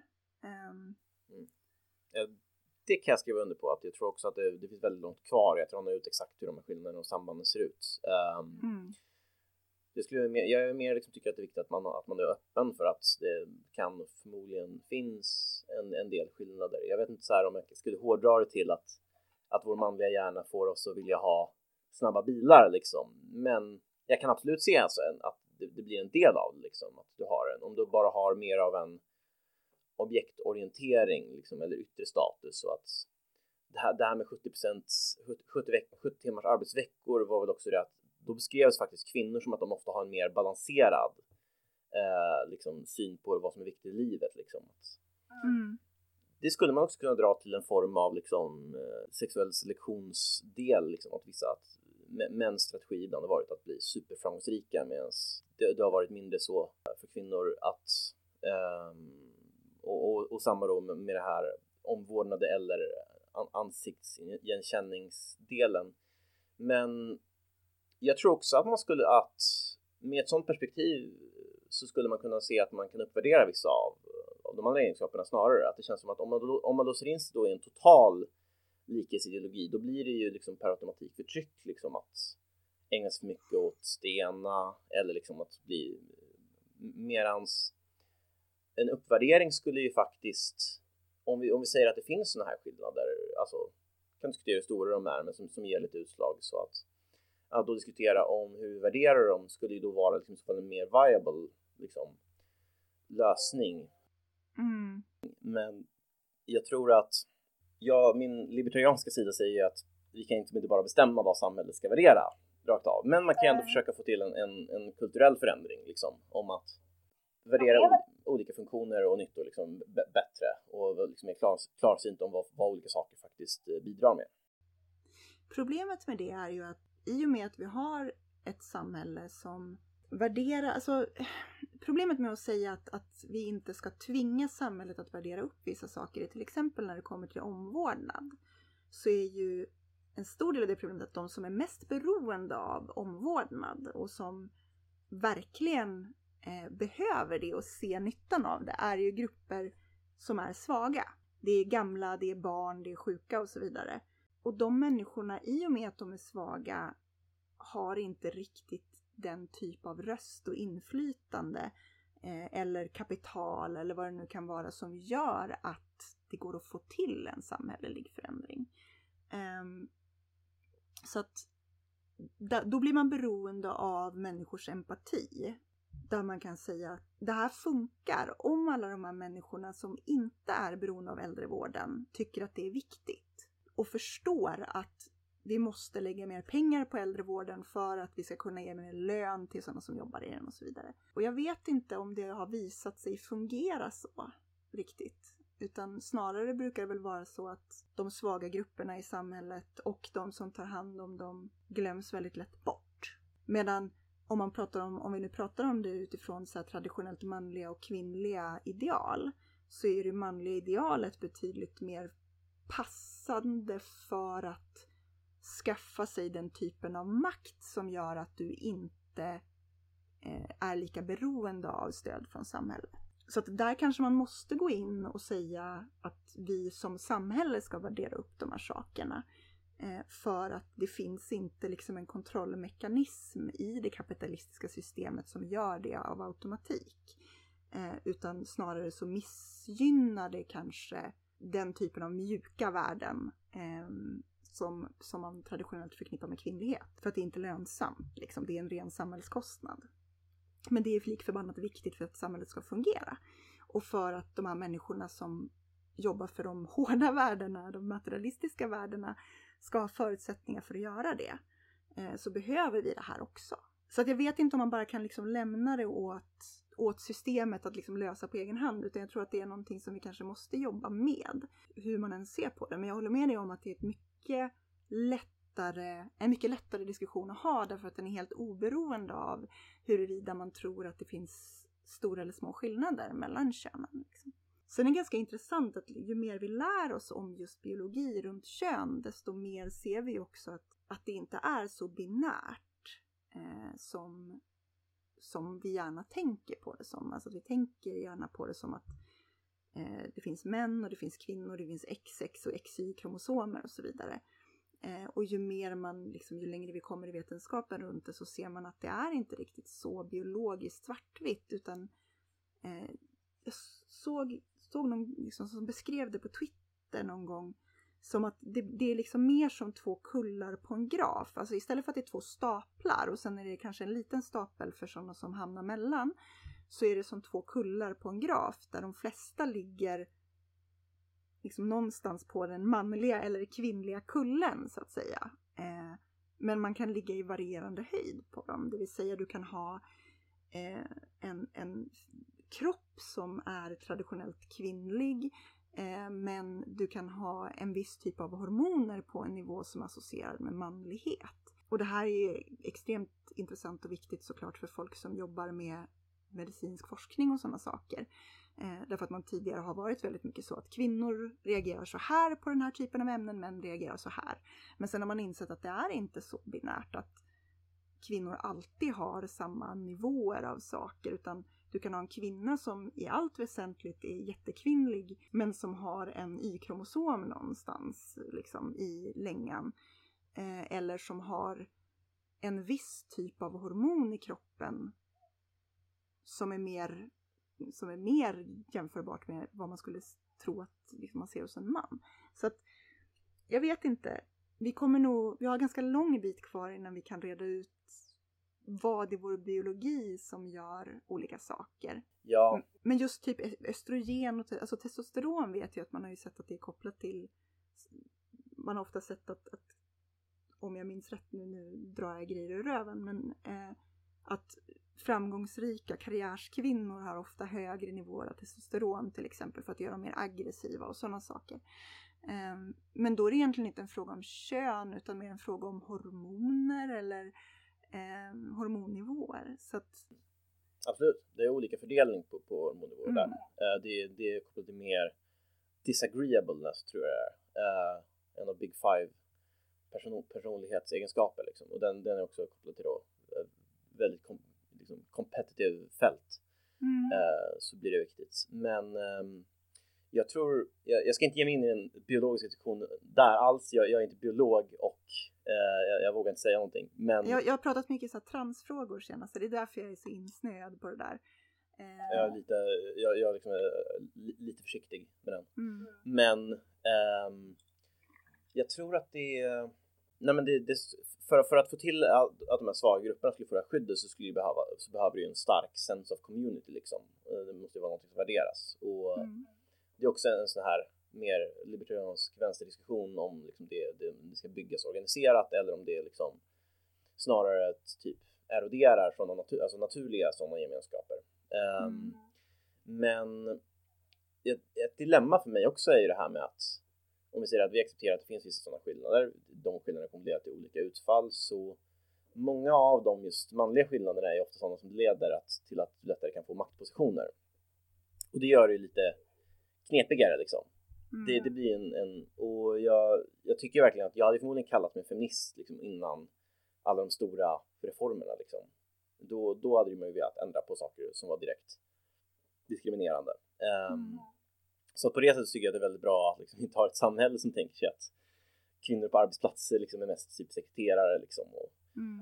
um, det, det, det, är ju, um, men, men att man sen då skulle kunna få ett paradigm när man diskuterar liksom vilka skillnader det finns liksom så här, och att det är inte är så farligt att avvika från dem. Alltså, det är ju också det här att, som du säger, när du pratar om två, de två uh, kullarna på en graf så är det också den, den man brukar dra upp om för att visa på skillnader mellan män och kvinnor. Att det finns ju alltid ett överlapp, ett stort mm. överlapp. Och uh, att och framförallt också att är det inte också så att skillnaderna, nu, nu vet jag bara, i alla fall om man tittar på IQ-nivåer till exempel, mm så tror jag att det jag kom fram till sist jag kollade upp det här, för jag satt i en diskussion med något pucko, eh, så var det väl att, att det man kunde se tydligt var att det fanns fler nu är IQ, det är en helt annan diskussion, det är inte en superbra mätmetod.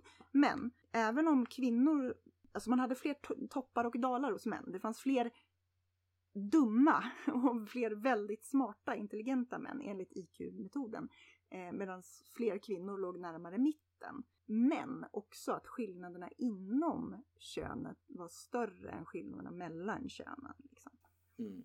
Eh, så att även om man kan se skillnader så, så kan man liksom ofta se större skillnader mellan individer av gruppen. Så att skillnaderna mellan olika kvinnor är, ofta, är liksom större än vad de är mellan män och kvinnor. Så att, ja.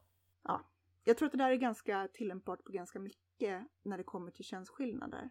Att även om man kan mäta skillnader så kommer vi alltid ha väldigt stora skillnader även inom grupperna på ett sätt som gör att det inte riktigt relevant att prata om dem som grupper mer än nödvändigt. Alltså mer än när man pratar om hur vi som samhälle behandlar dem, tycker jag. Eh, men det är ju liksom min syn på det att om vi vet att de biologiska skillnaderna är så pass små, även om de finns där och de säkert influerar oss i, i olika, liksom, olika utsträckning, så blir det kanske mer relevant att prata om hur, hur ser vi på grupperna? Hur behandlar vi andra? Hur värderar vi eh, egenskaper och roller kanske? Så. Jag vet inte, jag börjar landa i mer och mer att jag, jag vill ha någon slags medelväg när det gäller sånt. Alltså mm. att, men till exempel, det finns många traditionella beteenden hos män som brukar lyftas fram som problem, som att män är för aggressiva, män är för eh, negativt inställda till liksom, man har för dålig kontakt med sina känslor och så vidare. Jag kan se situationer där det här liksom utgör värden, liksom, som mm. bra egenskaper att ha för olika funktioner, att problemen blir när de blir för antingen när de, när de blir för extrema, eh, mm. när du är totalt disagreeable eller när du liksom har en, en hederskultur liksom om att mm. ingen kan liksom ens förolämpa mig för då ska, då ska jag liksom slå ner dem liksom. Um, men, eller, eller när de blir preskriptiva också. Alltså att ifall vi har till exempel att det, det, vi har vad heter det, 40% 60% fördelning med typ disagreeableness, alltså att de, mm. eh, om du skulle gissa på att en man var mer liksom disagreeable eller konfrontativ så skulle du ha rätt 60% av gångerna. Då är det ju då, då är det större överlapp mellan grupperna än, än vad det är, större, större skillnad inom grupperna än vad det är mellan dem. Men mycket större skillnad liksom. Det, mm det är nästan alltid det liksom, i så här, sociala skillnader mellan människor. Men det skulle ju vara en, en ganska bra analys för varför vi, vi förmodligen kommer se skillnader liksom, på gruppnivå mellan män och kvinnor. Men det vore ju uselt ifall du skulle säga ifall det, skulle, det skulle ju vara då um, det skulle vara ett, ett, ett uselt recept liksom, att ge alla män att du ska ju vara som den här liksom yttersta fördelningen liksom, allihop för, att de, väldigt många av dem kommer inte vara det. Liksom. Så, så jag tror också att en, att en sån mer, mer accepterande mot olika typer av, av mansroller och kvinnoroller och olika, liksom, att, man, att man inte uppfyller dem. Eh, mm. Men samtidigt kan, er, liksom, kan se att om det finns skillnader. Liksom, så... Men det, det är därför jag tänker att, att Alltså det är därför jag föredrar att prata om det i termer om, om liksom till skillnad från att vara liksom feminist där du pratar om att män och kvinnor är olika och att vi ska omfamna de här olikheterna och värdera upp kvinnor så föredrar jag att prata om det i termer om att män och kvinnor är människor och att vi som människor är, är olika. Liksom. Därför att det blir ett, ett betydligt enklare sätt att möjliggöra att man frångår normerna eh, och att luckra upp normerna. Eh, även om jag också här, tror att det finns någon typ av biologiska förutsättningar som, som gör att vi är som vi är, så, så blir det för mig ganska oviktigt att fokusera på om målet är att människor ska känna sig bekväma med att göra val utifrån vad de vill och inte utifrån vad som förväntas av dem. Då blir det liksom viktigare att titta på vad har vi gemensamt och vad kan vi vad kan vi plocka från de här rollerna? För som, som du säger med eh, att det finns positiva och negativa sidor av alla, alla drag, eller liksom alla sådana här toxiska maskuliniteter, eh, eller vad man brukar prata om så här, så är det ju så med kvinnliga drag också. Liksom. Det är jättebra att vara i vissa situationer att vara empatisk och diplomatisk. I andra situationer är det jättedåligt att ha för mycket empati därför att det gör dig det gör att du blir velig eller det gör att du, alltså det bästa är ju om man får, som du säger, någon sorts gyllene medelväg där man kan ta det bästa från båda könsroller och liksom att alla kan försöka omfamna det. Och det tycker jag personligen är lite... Det tycker jag personligen var bättre eh, med tidigare feministiska rörelser, att man pratade mer om att eh, kvinnor ska våga ta plats eller kvinnor ska våga vara mer fram, alltså mer aggressiva i situationer där det är viktigt att vara det. Typ i en löneförhandling eller vad vi nu pratar om.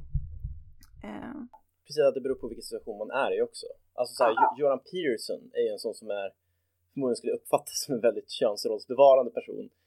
Eh, har ju sagt liksom att han i sin psykologiska eh, praktik har fått många, många kvinnliga patienter som har upplevt olika problem att de blir överkörda. Hans råd har ju varit liksom, var mindre agreeable, liksom, försök träna mm. på att säga ifrån. Mm. Alltså, som hade blivit betraktat som feminism liksom, i många mm. situationer. Um, nej men som att, precis. Då, då, då Eller med män då, att man kan säga att okej, okay, eh, det kanske är bra om du typ kan bonda med dina barn, eh, både för deras och för din egen skull. Liksom. Eller det kanske är bra om du släpper lite på det här framgångshetsen därför att du kommer liksom och du, du, kommer att vara en mycket lyckligare människa om du fokuserar också på eh, hur du mår eh, eller om du vågar söka hjälp eller om, om du känner att din familj får, att du har en kontakt med din familj. Alltså det finns ju, det finns ju saker från båda könsroller som den andra sidan faktiskt har, behöver lära sig. Liksom, tror jag. Och en stor del av, av liksom den, den sena feminismen har ju handlat om just att små pojkar måste få lära sig att det är okej att gråta och sådana saker, vilket jag tycker är bra, därför att jag tror att de flesta skulle må bättre av att inte vara så här känslomässigt liksom instängda. Det brukar inte bli bra sen. Förr eller senare så bryter det liksom ihop. Eh, men samtidigt så, så måste ju det övergripande målet vara att lära alla barn att vara starka, att säga ifrån, att inte bryta ihop över saker på något vis. Förstår du att liksom man kan göra både och tror jag. Jag tror att det där låter som att, att ha kontakt med känslolivet är nog i alla fall bra i många fall. Liksom. Att man inte försöker, jag tror framförallt det är viktigt att man inte försöker uppfylla någonting som man inte är. Som, jag kanske har en lite mer traditionell roll när det gäller känslobearbetning till exempel. Jag tycker att det är skönt att ha kontakt med sina känslor. Eh, mm. Det är bra att liksom kunna, kunna ta i dem och veta vad de är för någonting. Men jag till exempel har testat så här att mer också indulga i dem. Liksom att nu ska man verkligen känna om man är ledsen till exempel. Och det, det, funkar inte så bra för mig. Det funkar bättre för mig att bli arg liksom. Mm. Uh, jag vet inte, men det är... Men det där är också, jag är också väldigt mycket mer så. Jag hatar ju att känna saker, jag tycker det är jättejobbigt. Jag vill göra, alltså så här, jag var ju en sån person som, nej, om mina kompisar är ledsna och vill bli tröstade så går de ju inte till mig. Utan då går de ju till någon annan. Däremot om, om de vill ha någon som lägger upp en handlingsplan så kanske de går till mig. Alltså, jag tror att för mig så blir det väldigt lätt att argumentera utifrån att män och kvinnor är mer lika därför att jag väldigt ofta känner att jag faller inom ramen för vad som skulle ses vara en, en ett manligt förhållningssätt till saker. Eh, Medan jag såklart på vissa sätt också känner mig liksom formad av eller liksom inte har ifrågasatt att jag är en kvinna om du förstår. Så att, du, du, håller inte, du håller inte en matris på det sättet? Nej, precis. Det, jag, ja. jag nämnde ju det i boken som jag vet att du nämnde att du hade läst just om Judith Butler som pratar om den heterosexuella matrisen. Alltså att, att anledningen till att vi har så tydliga könsroller eh, är att vi har levt i ett samhälle där fortplantning har varit viktigt, vilket gör att det är väldigt viktigt att, att liksom dela upp folk i kön, därför att det är viktigt att veta vilka du kan typ fortplanta dig med, alltså i stora drag. Så att, att anledningen till att vi har kön är egentligen inte för att det finns en tradition av så här, det är viktigt med könsroller, utan det är baserat på att, att det har varit viktigt med heterosexualitet. Och då blir det också viktigt med kön, därför att heterosexualitet bygger på att du ska kunna identifiera det andra könet. Liksom. Det är ganska intressant. Ja, det är en sån här till grej som jag tror också är att förmodligen ligger någonting i liksom på snittnivå att, att, att liksom man har byggt till viss del på hur människor är liksom, att man, man ofta uppfyller de här, men att jättemånga uppfyller de inte dem helt och hållet och mm. en hel del gör det inte alls liksom, så att, att det också blir en sån här eh, toleransgrej liksom, att vi måste eh, även om man ser ett sånt mönster så, så måste man kunna att om du, om du hanterar känslor på ett mer typiskt manligt sätt så, så är det bara bättre att konstatera att det, det kanske inte är helt enligt mönstret, men gör det lite liksom, mindre av en idealkvinna. Liksom. Mm. Ganska konstigt liksom, sätt att, ja. Precis. Pro grundproblemet är ju att, att man ger just de här beskrivandet, så här ska du vara. Jag vet inte, det är superkomplicerat. Alltså frågor som rör just kön och vår syn på kön och, och liksom sexualitet och sådana saker är superkomplexa därför att det är så enormt laddat och så enormt komplext ofta. Det är därför jag gillar att, att prata om de sakerna och skriva om de sakerna och resonera och debattera runt de sakerna. För att det är en, en av de här grejerna som ligger alla så jävla varmt om hjärtat. Alltså det är så här, alla har en relation till det. Alla har en relation till eh, sin, sitt kön, sin könsidentitet, sin sexualitet, sådana saker. Börjar man prata om invandring eller ekonomi eller någonting annat så är det inte lika känsloladdat därför att alla har inte den typen av koppling till det, men alla har eh, delas in i kön eller eh, har en sexuell läggning. Liksom. Eh, och det gör det väldigt intressant för mig att prata om. För att det är så högst individuellt också, så att alla kan liksom prata utifrån sin egen erfarenhet någonstans. Och sin egen syn på sin könsroll eller sin egen syn på sin sexualitet. Och det varierar så enormt mycket. Så det, det, man får liksom aldrig slut på saker att prata om. Typ. Det är jätteintressant. Nej, men jag tror verkligen, jag, jag håller med. Jag tycker det är spännande med det får en som är så pass viktiga och komplexa och att man samtidigt känner att man har viss, viss koll liksom, och samtidigt att man inte fastnar jättesnabbt i en liksom, i olika rabbit holes som i migration. Uh, så jag tycker det här var mm. jätteintressant, verkligen. Um, mm.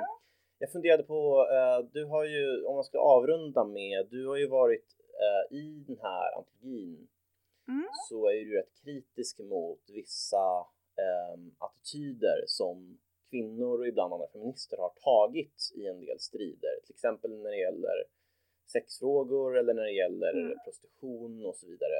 Um, skulle du vilja berätta lite grann bara? Mm. Um, kapitlet i den här boken, eh, Feminismen antologi, som gavs ut av Timbro förlag, vilket är roligt. För att jag tycker att det är ganska roligt att jag tycker det är ganska roligt att skriva grejer för Timbro som vänster. Eh, ta lite pengar av kapitalisterna. Ja, men eh, grund, jag skulle säga så här, grund, grund, tesen i hela den här texten som jag har skrivit, eh, som jag tror heter eh, Horstigmat och fängelsefeminismen, hur kvinnors sexualitet fortsätter användas emot oss, tror jag vi döpte den till till slut. Eh, bygger i på just det där att kvinnor eh, har haft väldigt lite makt i samhället under väldigt lång tid. Därför att vi har inte den, ofta den fysiska makten vi är inte starkare än, än män. Vi har inte heller haft den ekonomiska makten. I många fall så har man till och med fråntagits där kvinnor har inte fått e-, äga egendom och sådana saker. Så att vi har liksom fråntagits den makten. I många situationer så har man också fråntagits den sociala makten givetvis eftersom män har varit de som har arbetat och därmed då haft kontakt med andra personer som har makt och så vidare. Så att kvinnor under tiden man hade hemmafruar var ju mer i en subkultur där de liksom pratade med andra kvinnor. Och i det, hela det systemet där kvinnor fråntas all makt så har, har man lämnats då med att den enda makt du har är den sexuella makten därför att ditt enda sätt att få makt är genom en man. Eh, vilket innebär att kan du få en man att vara svag för dig så får du indirekt tillgång till de här maktmedlen i form av pengar eller socialt inflytande och så vidare. Jag har adopterat den strategin, ja. Ja, precis. Vilket inte är konstigt egentligen, därför att om du tar ifrån, ja, men tar ifrån en person alla maktmedel och så säger du okej, du får inte äga någonting själv, du får inte jobba, du ska vara hemma. Du får inte, liksom, du kan inte ha en karriär, du kan inte ha ditt inflytande, du kan inte på något sätt ta makt över din situation så kommer man ju hitta ett sätt att ta makt på. Och i, i kvinnors fall så har det i många fall varit den sexuella makten. Du kan gifta dig med någon som har makt, förföra någon som du vill ha tjänster av eller vad det nu kan vara. Och i och med det så skapar du också, där skapar du ju en tävlingsarena för andra kvinnor. På samma sätt som män tävlar mot varandra i karriären eller vem som har störst bil och sådär. Just det. Så, så du mäter ju makt och kvinnor mäter sexuell makt mot varandra. Och det har ju också gjort då att när du har ett samhälle där kvinnors makt är beroende av den sexuella makt de kan utöva. Om jag är beroende av att min man fortsätter jobba och dra in pengar till mig eh, för att jag kan inte ha ett jobb, då blir ju kvinnor som ger bort sex utan att kräva de här sakerna blir ju, jag tror att det kallar dem för strejkbrytare i, i det fallet. Alltså att jag försöker ställa krav för min, för min, för säga, min vardag. Så här, jag, jag vill ha en, ett hus att bo i om du ska få sex. Så att om vi ska ha sex så måste du gifta dig med mig och lova att jag får hälften av dina pengar. Eh, finns det då kvinnor som säger ja men det ger mig, ge mig eh, så här mycket pengar rakt av så har jag sex med dig så kommer de att vara ett hot mot mitt enda maktmedel och det historiskt sett. Eh, och det har då till viss del lett till synen på personer som säljer sex till exempel som eh, ett hot mot den här ganska, i många ögon ganska väl fungerande arrangemanget som har funnits liksom. Ja, det, det, det hotar jämvikten. Jag tror Aron Flam när han tidigare när han var rolig så har han berättat, har han beskrivit samma sak som en monopolställning och att det är då kvinnorna som, som, som inte kräver giftermåls vidare liksom blir en form av svartfötter då, eller svart. Exakt. Ja, så det, man bryter monopolet. Eh, mm. Men eh, jag tror att det är svårt att säga att det inte skulle färga oss även idag när vi tittar på eh, alltså jag tar ju upp i den här texten tar jag till exempel upp att man kan se att kvinnor i större utsträckning värderar andra kvinnor. Alltså dömer andra kvinnor utifrån hur många sexpartners de har haft till exempel, än män gör. Även mot andra män. Eh, så att en man som uppfattas som lösaktig av andra män värderas, han, han värderas inte ner på grund av det. Men kvinnor har en tendens att nedvärdera varandra baserat på sådana saker. Så att, och jag, jag, tror att det vore naivt att säga att det inte färgar oss även idag. Därför att det här, det är inte så jävla långt tillbaka i tiden som det faktiskt var en materiell realitet att kvinnor som var lösaktiga undergrävde din chans att ha ett värdigt liv. Liksom. Eh, din, din, chans kanske att, eh, att inte behöva bo på gatan, typ, om man ska hårdra det. Ja, men jag, tror, jag som också tror mycket på, en, eller på nature-delen tror ju säkert att, att det finns kvar också eftersom att jag tror att det, det beror en del på en del re, rent biologisk dynamik mellan könen. Liksom, så att. Men du är ganska kritisk mot den här, det här stigmat som jag förstår det i antologin. Du menar mm. ungefär att det här är, det blir en form av, av nedtryckande av, av kvinnors sexualitet då ifall om du liksom. Jag tror att det, ja, jag tror att det både liksom, jag tror att det jag tror att det skadar alla. Mm. Alltså generellt så är det ju så att människor som får sex när de vill ha sex mår förmodligen bättre, är förmodligen gladare. Och nu pratar jag inte om så här att vi ska tillåta våldtäkt för att tänk på den stackars som har sex. Utan nu pratar jag om så här samtyckande människor som vill ha sex med varandra. Mår förmodligen bättre om de, om de kan ha sex med varandra. Och det inte är någonting som förknippas med social utfrysning eller andra saker. Därför att det är ett av våra väldigt grundläggande, våra väldigt grundläggande drifter liksom. Och jag, för mig är det kontraproduktivt om vi nu pratar om biologi eh, och, och liksom säger att vi måste som samhälle acceptera de här biologiska realiteterna så gäller ju det även här. Att varför ska vi ha ett samhälle som förespråkar till exempel eh, tvåsamhet och liksom eh, att man ska ha så lite sex med så få partners som möjligt och så vidare. Varför har vi ett samhälle som bygger på de moraliska grundstenarna om det går stick i stäv med vår biologi? Mm om man liksom ska gå ända ner på, på grundnivån. Men jag tror att väldigt mycket av diskussionen runt just prostitution till exempel färgas också av det där på så vis att vi har många kvinnor, att män har svårt att sätta sig in i det kan jag köpa därför att det finns väldigt många situationer där män har svårt att sätta sig in i kvinnors situation. Eh, men min invändning är väl att det känns väldigt ofta som att man inte har invändningar mot prostitution därför att man ser till kvinnornas bästa utan man har det för att man vill bevara den här typen av struktur där kvinnor inte ska ge bort sex hur som helst, skulle man kunna säga. Mm. Och att debatten också färgas av det, liksom. att debatten färgas av att vi har den synen på kvinnors sexualitet som någonting som är mer av en handelsvara än det är en kroppslig funktion eller eh, självuppfyllande whatever. Liksom. Prostitution bygger på att, man, att kvinnors sexualitet är en handelsvara. Det finns en marknad för det. Eh, men jag, jag tycker väl att och där var du också inne på för mig att eh, som sagt utöver att, att man ska få göra vad man vill så har vi också att folk anpassar sig till liksom, sina egna realiteter liksom. Mm. Och att då för en, att, en, att en del kvinnor hamnar i prostitution blir då eh, förmodligen väldigt sällan optimalt. Men är det så jäkla bra att döma dem liksom för det. Precis. Vad är det man vill uppnå? Alltså är det, är det viktigare att ha en lagstiftning till exempel som ser bra ut på papper. Där man säger det här är den moraliska humanistiska linje vi har valt. Eller är det viktigare att ha en lagstiftning som i så stor utsträckning som möjligt faktiskt har gynnsamma effekter för de människor man vill skydda med lagstiftningen.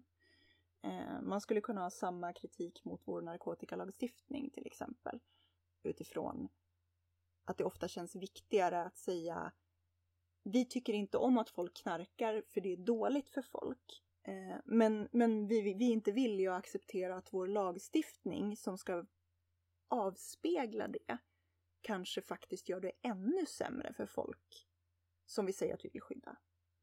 Eh, och det är väl min kritik mot sexköpslagen i stort också. Liksom att man är ganska ovillig att ens överväga att det man gör är kontraproduktivt för det man säger sig vilja uppnå. Mm. Ja, det är till och med så att när, jag ska säga, jag, jag delar ganska stor utsträckning den, den bild som du har gett liksom av, av hur man argumenterat för den och att det, det är nästan så att man blir misstänkliggjord också. Eh, du har ju fått ta emot väldigt hård kritik har jag förstått för den här mm. ställningstagandena. Alltså att du blir liksom torsklobbyist och så vidare. Ja. Ja. Vilket jag tycker är jättekonstigt därför att jag tror aldrig att det är liksom någon av mina, något av det jag har skrivit om, om just sexköp och sexköpslagen så har fokuset aldrig varit på torskar. Liksom. Det har aldrig varit vad är bäst, vad är mest, vad är mest praktiskt för torskar egentligen? Jag är totalt ointresserad av det. Jag, jag personligen på ett känslomässigt plan om en person som jag kände sa till mig att han brukade köpa sex så skulle jag förmodligen också reagera väldigt så här, jag skulle tycka att det var någonting dåligt. Jag skulle förmodligen känna att den personen var omoralisk eller liksom att det, det, skulle inte kännas bra. Jag skulle inte riktigt känna eh, ha en bra känsla för den personen. Därför att jag gillar inte heller tanken på att man ska köpa sex. Men det är min känslomässiga reaktion på det. Och jag känner inte riktigt att den borde få styra lagstiftningen så pass mycket att jag är villig att göra situationen svårare för sådana som säljer sex. Därför att de är i en väldigt utsatt situation och är ofta väldigt utsatta på andra sätt. Liksom. Och då, då kanske jag måste bortse från att jag inte gillar torskar och säga okej, okay, jag gillar inte torskar. Jag tycker inte att deras moraliska grundfiber är bra, men jag skiter i dem. Det är inte därför jag gör det här. Det är inte därför jag skriver om de här sakerna. Jag skriver om de här sakerna därför att den här lagstiftningen genuint skadar människor som jag faktiskt bryr mig om. Och det måste få vara viktigare liksom. Ehm, så det frustrerar mig med, eh, med den kritiken. Liksom. Ehm, att att det blir så väldigt mycket, ja du säger att du är för det här så då är du alltså för det här också. Du är för att eh, se över sexköpslagen eh, Eh, för att du ser att det påverkar sådana som säljer sex negativt. Jaha, så då tycker du att det är okej att man traffickar hit 12-åriga flickor från Libanon och säljer dem på Malmskillnadsgatan. Liksom. Det är klart att det inte är, men det finns annan lagstiftning som förhindrar det eller ska förhindra det. Så att det är kanske är där vi ska fokusera istället. Mm. Nej, jag tror att det är, jag, tycker det är väldigt skönt att man kan se världen som inte svartvit liksom. Att som i att även om, om prostitution extremt sällan optimalt och att man kan ha sina invändningar mot torskar så ser man att människor inte är liksom svartvita varelser heller. Eh, att, de, att det finns moraliska situationer där det inte alltid är något alternativ som är superbra och att man därför kan behöva titta på liksom um, kan behöva göra trade-offs och kan behöva liksom leva med liksom, konsekvenser man inte alltid helst skulle vilja ha om man bryr sig om någonting annat mer. Um, mm. Och jag tror väl bara att det kanske går emot en liksom mer, mer fanatiskt mindset. Att liksom ifall du vill se världen som är svartvit, vill du verkligen, verkligen är emot prostitution så då vill du kanske inte behöva acceptera att ibland så är det inte liksom det här eh, totalförbudsidén som, som är det som hjälper de människorna mest egentligen. Som man upprör sig för det, är ofta, det, det stämmer ju ändå ofta tror jag för en, från en value ändå. Um, mm. Ja, ja, absolut. Och det är ju alltså jag är, vet ju att det gör det också. Alltså det är klart att det, det är väldigt mycket så här, man, man ser på det som att ja, men det är utsatta kvinnor oftast, inte bara. Eh, och det är också en grej man tappar bort i det här, liksom, därför att den enda bilden som presenteras är just utsatta unga tjejer och så vidare. Och, och det är inte riktigt så enkelt. Men alltså sen, sen så om man ska prata utifrån så vad som är vad som är så ideologiskt eh, liksom konsekvent. Alltså jag är ju jag är ju grunden mot allt lönarbete. Jag vill ju avskaffa allt lönarbete. Eh, så att jag menar, det är väl klart att jag inte är för prostitution. Eh, om jag inte, om, jag, om, om min så här, utopi är att ingen ska behöva jobba för att försörja sig så det är väl klart att det inte heller är för att någon ska sälja sex för att försörja sig. Det är liksom en självklarhet för mig någonstans. Eh, men däremot på samma sätt som jag inte i, nu säger att äh, men vi måste förbjuda lönearbete. Jag skiter i om folk blir utkastade ur sina hyreslägenheter. De, för vi ska inte ha lönearbete, det är omoraliskt, vilket jag i grunden tycker att det är. Jag tycker att det är omoraliskt. Så måste jag ju se det utifrån så här, okej, okay, nu har vi en verklighet där folk behöver betala sin hyra jag kanske inte kan förbjuda att de tar ut lön för arbete för att just nu behöver de faktiskt de här pengarna. Det jag däremot kan göra är ju att säga vi kan sätta regler för hur du får anställa folk. Och det är så jag skulle vilja se att man hanterade diskussionen runt sexköpslagstiftningen mer så. Hur hanterar vi realiteten av att människor har ett behov av att sälja sex? Eh, hur hanterar vi att människor har ett behov av att köpa sex? Finns det saker vi kan jobba på i det grundläggande som kan ta bort det här fenomenet på sikt? Den diskussionen har jag jättegärna. Där har jag jättemånga kritiska liksom, infallsvinklar men sexköpslagen tycker inte jag fyller den funktionen. Inte för mig i alla fall när jag tittar på den och liksom när, när människor som försörjer sig på att sälja sex pratar om den. Och då tycker jag att det är en dålig lag. Det där är ganska mycket ett ställningstagande utifrån hur du har bedömt nuläget liksom, och vad som är bäst där. Och uh, jag, jag kan tycka det är ganska uppfriskande. Jag har ju, det kan vara lite jobbigt ibland och jag har ju tvingats tänka mig så här, vad, vad, staten ska hålla på med flera gånger i den här diskussionen fast jag är emot den mm. egentligen. Liksom. Ja. Men det är ju svårt. Alltså jag menar ideologi och vad du, vad du har för ideologi handlar ju någonstans tycker jag, borde handla om. Det gör inte så ofta i, i debatten idag i stort, men liksom vad är det för samhälle du vill bygga? Eh, och hur kommer vi dit? Och jag kanske skulle vilja prata mer om sådana saker. Så eh, om, om utopier och visioner och sådana grejer. För att det är väl klart att jag vill ha ett samhälle där ingen känner sig att de har ett behov av att köpa sex. Det vore väl mycket bättre om alla som liksom hade det behovet kunde få det fyllt på ett annat sätt. Eh, det tror jag inte någon är oense om. Liksom. Um, och såvida inte behovet är typ att förtrycka och skada kvinnor, eh, då, då kanske man inte ska få det fyllt på något annat sätt. Men alltså förutsatt att det är någon sorts mänskligt behov och liksom, som inte är menat att skada någon annan. Mm. Absolut. Um, jag tror att du har varit det längsta poddavsnittet hittills. Jag brukar vara det. Jag tror att alla poddar jag varit med i så är de så här det här är dubbelt så långt som alla andra avsnitt. Jag tror att jag borde kanske lära mig att uttrycka mig mer koncist.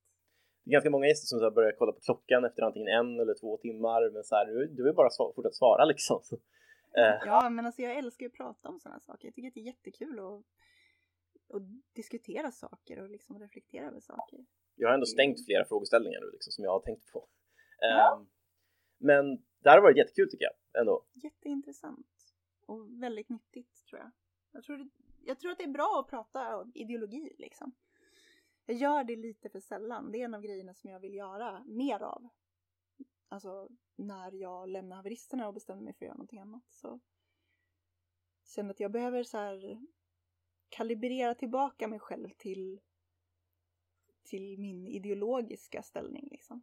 Någonstans. Ja, men jag hoppas du gör det. det jag, tror, jag tror att det är spännande att möta sådana här, vi har ganska olika perspektiv jag har mm. mött några nya argument nu som jag inte har tänkt på så mycket. Det var, mm. jag tror det är utvecklande och så, ja. så, så jag hoppas att du kör på ännu mer. Ja. Um, men tack så mycket för att du ställde upp. Inga problem. Kul att jag fick prata med dig en väldigt lång stund. Absolut. Nu stänger jag av inspelningen. Jajamän. Yes.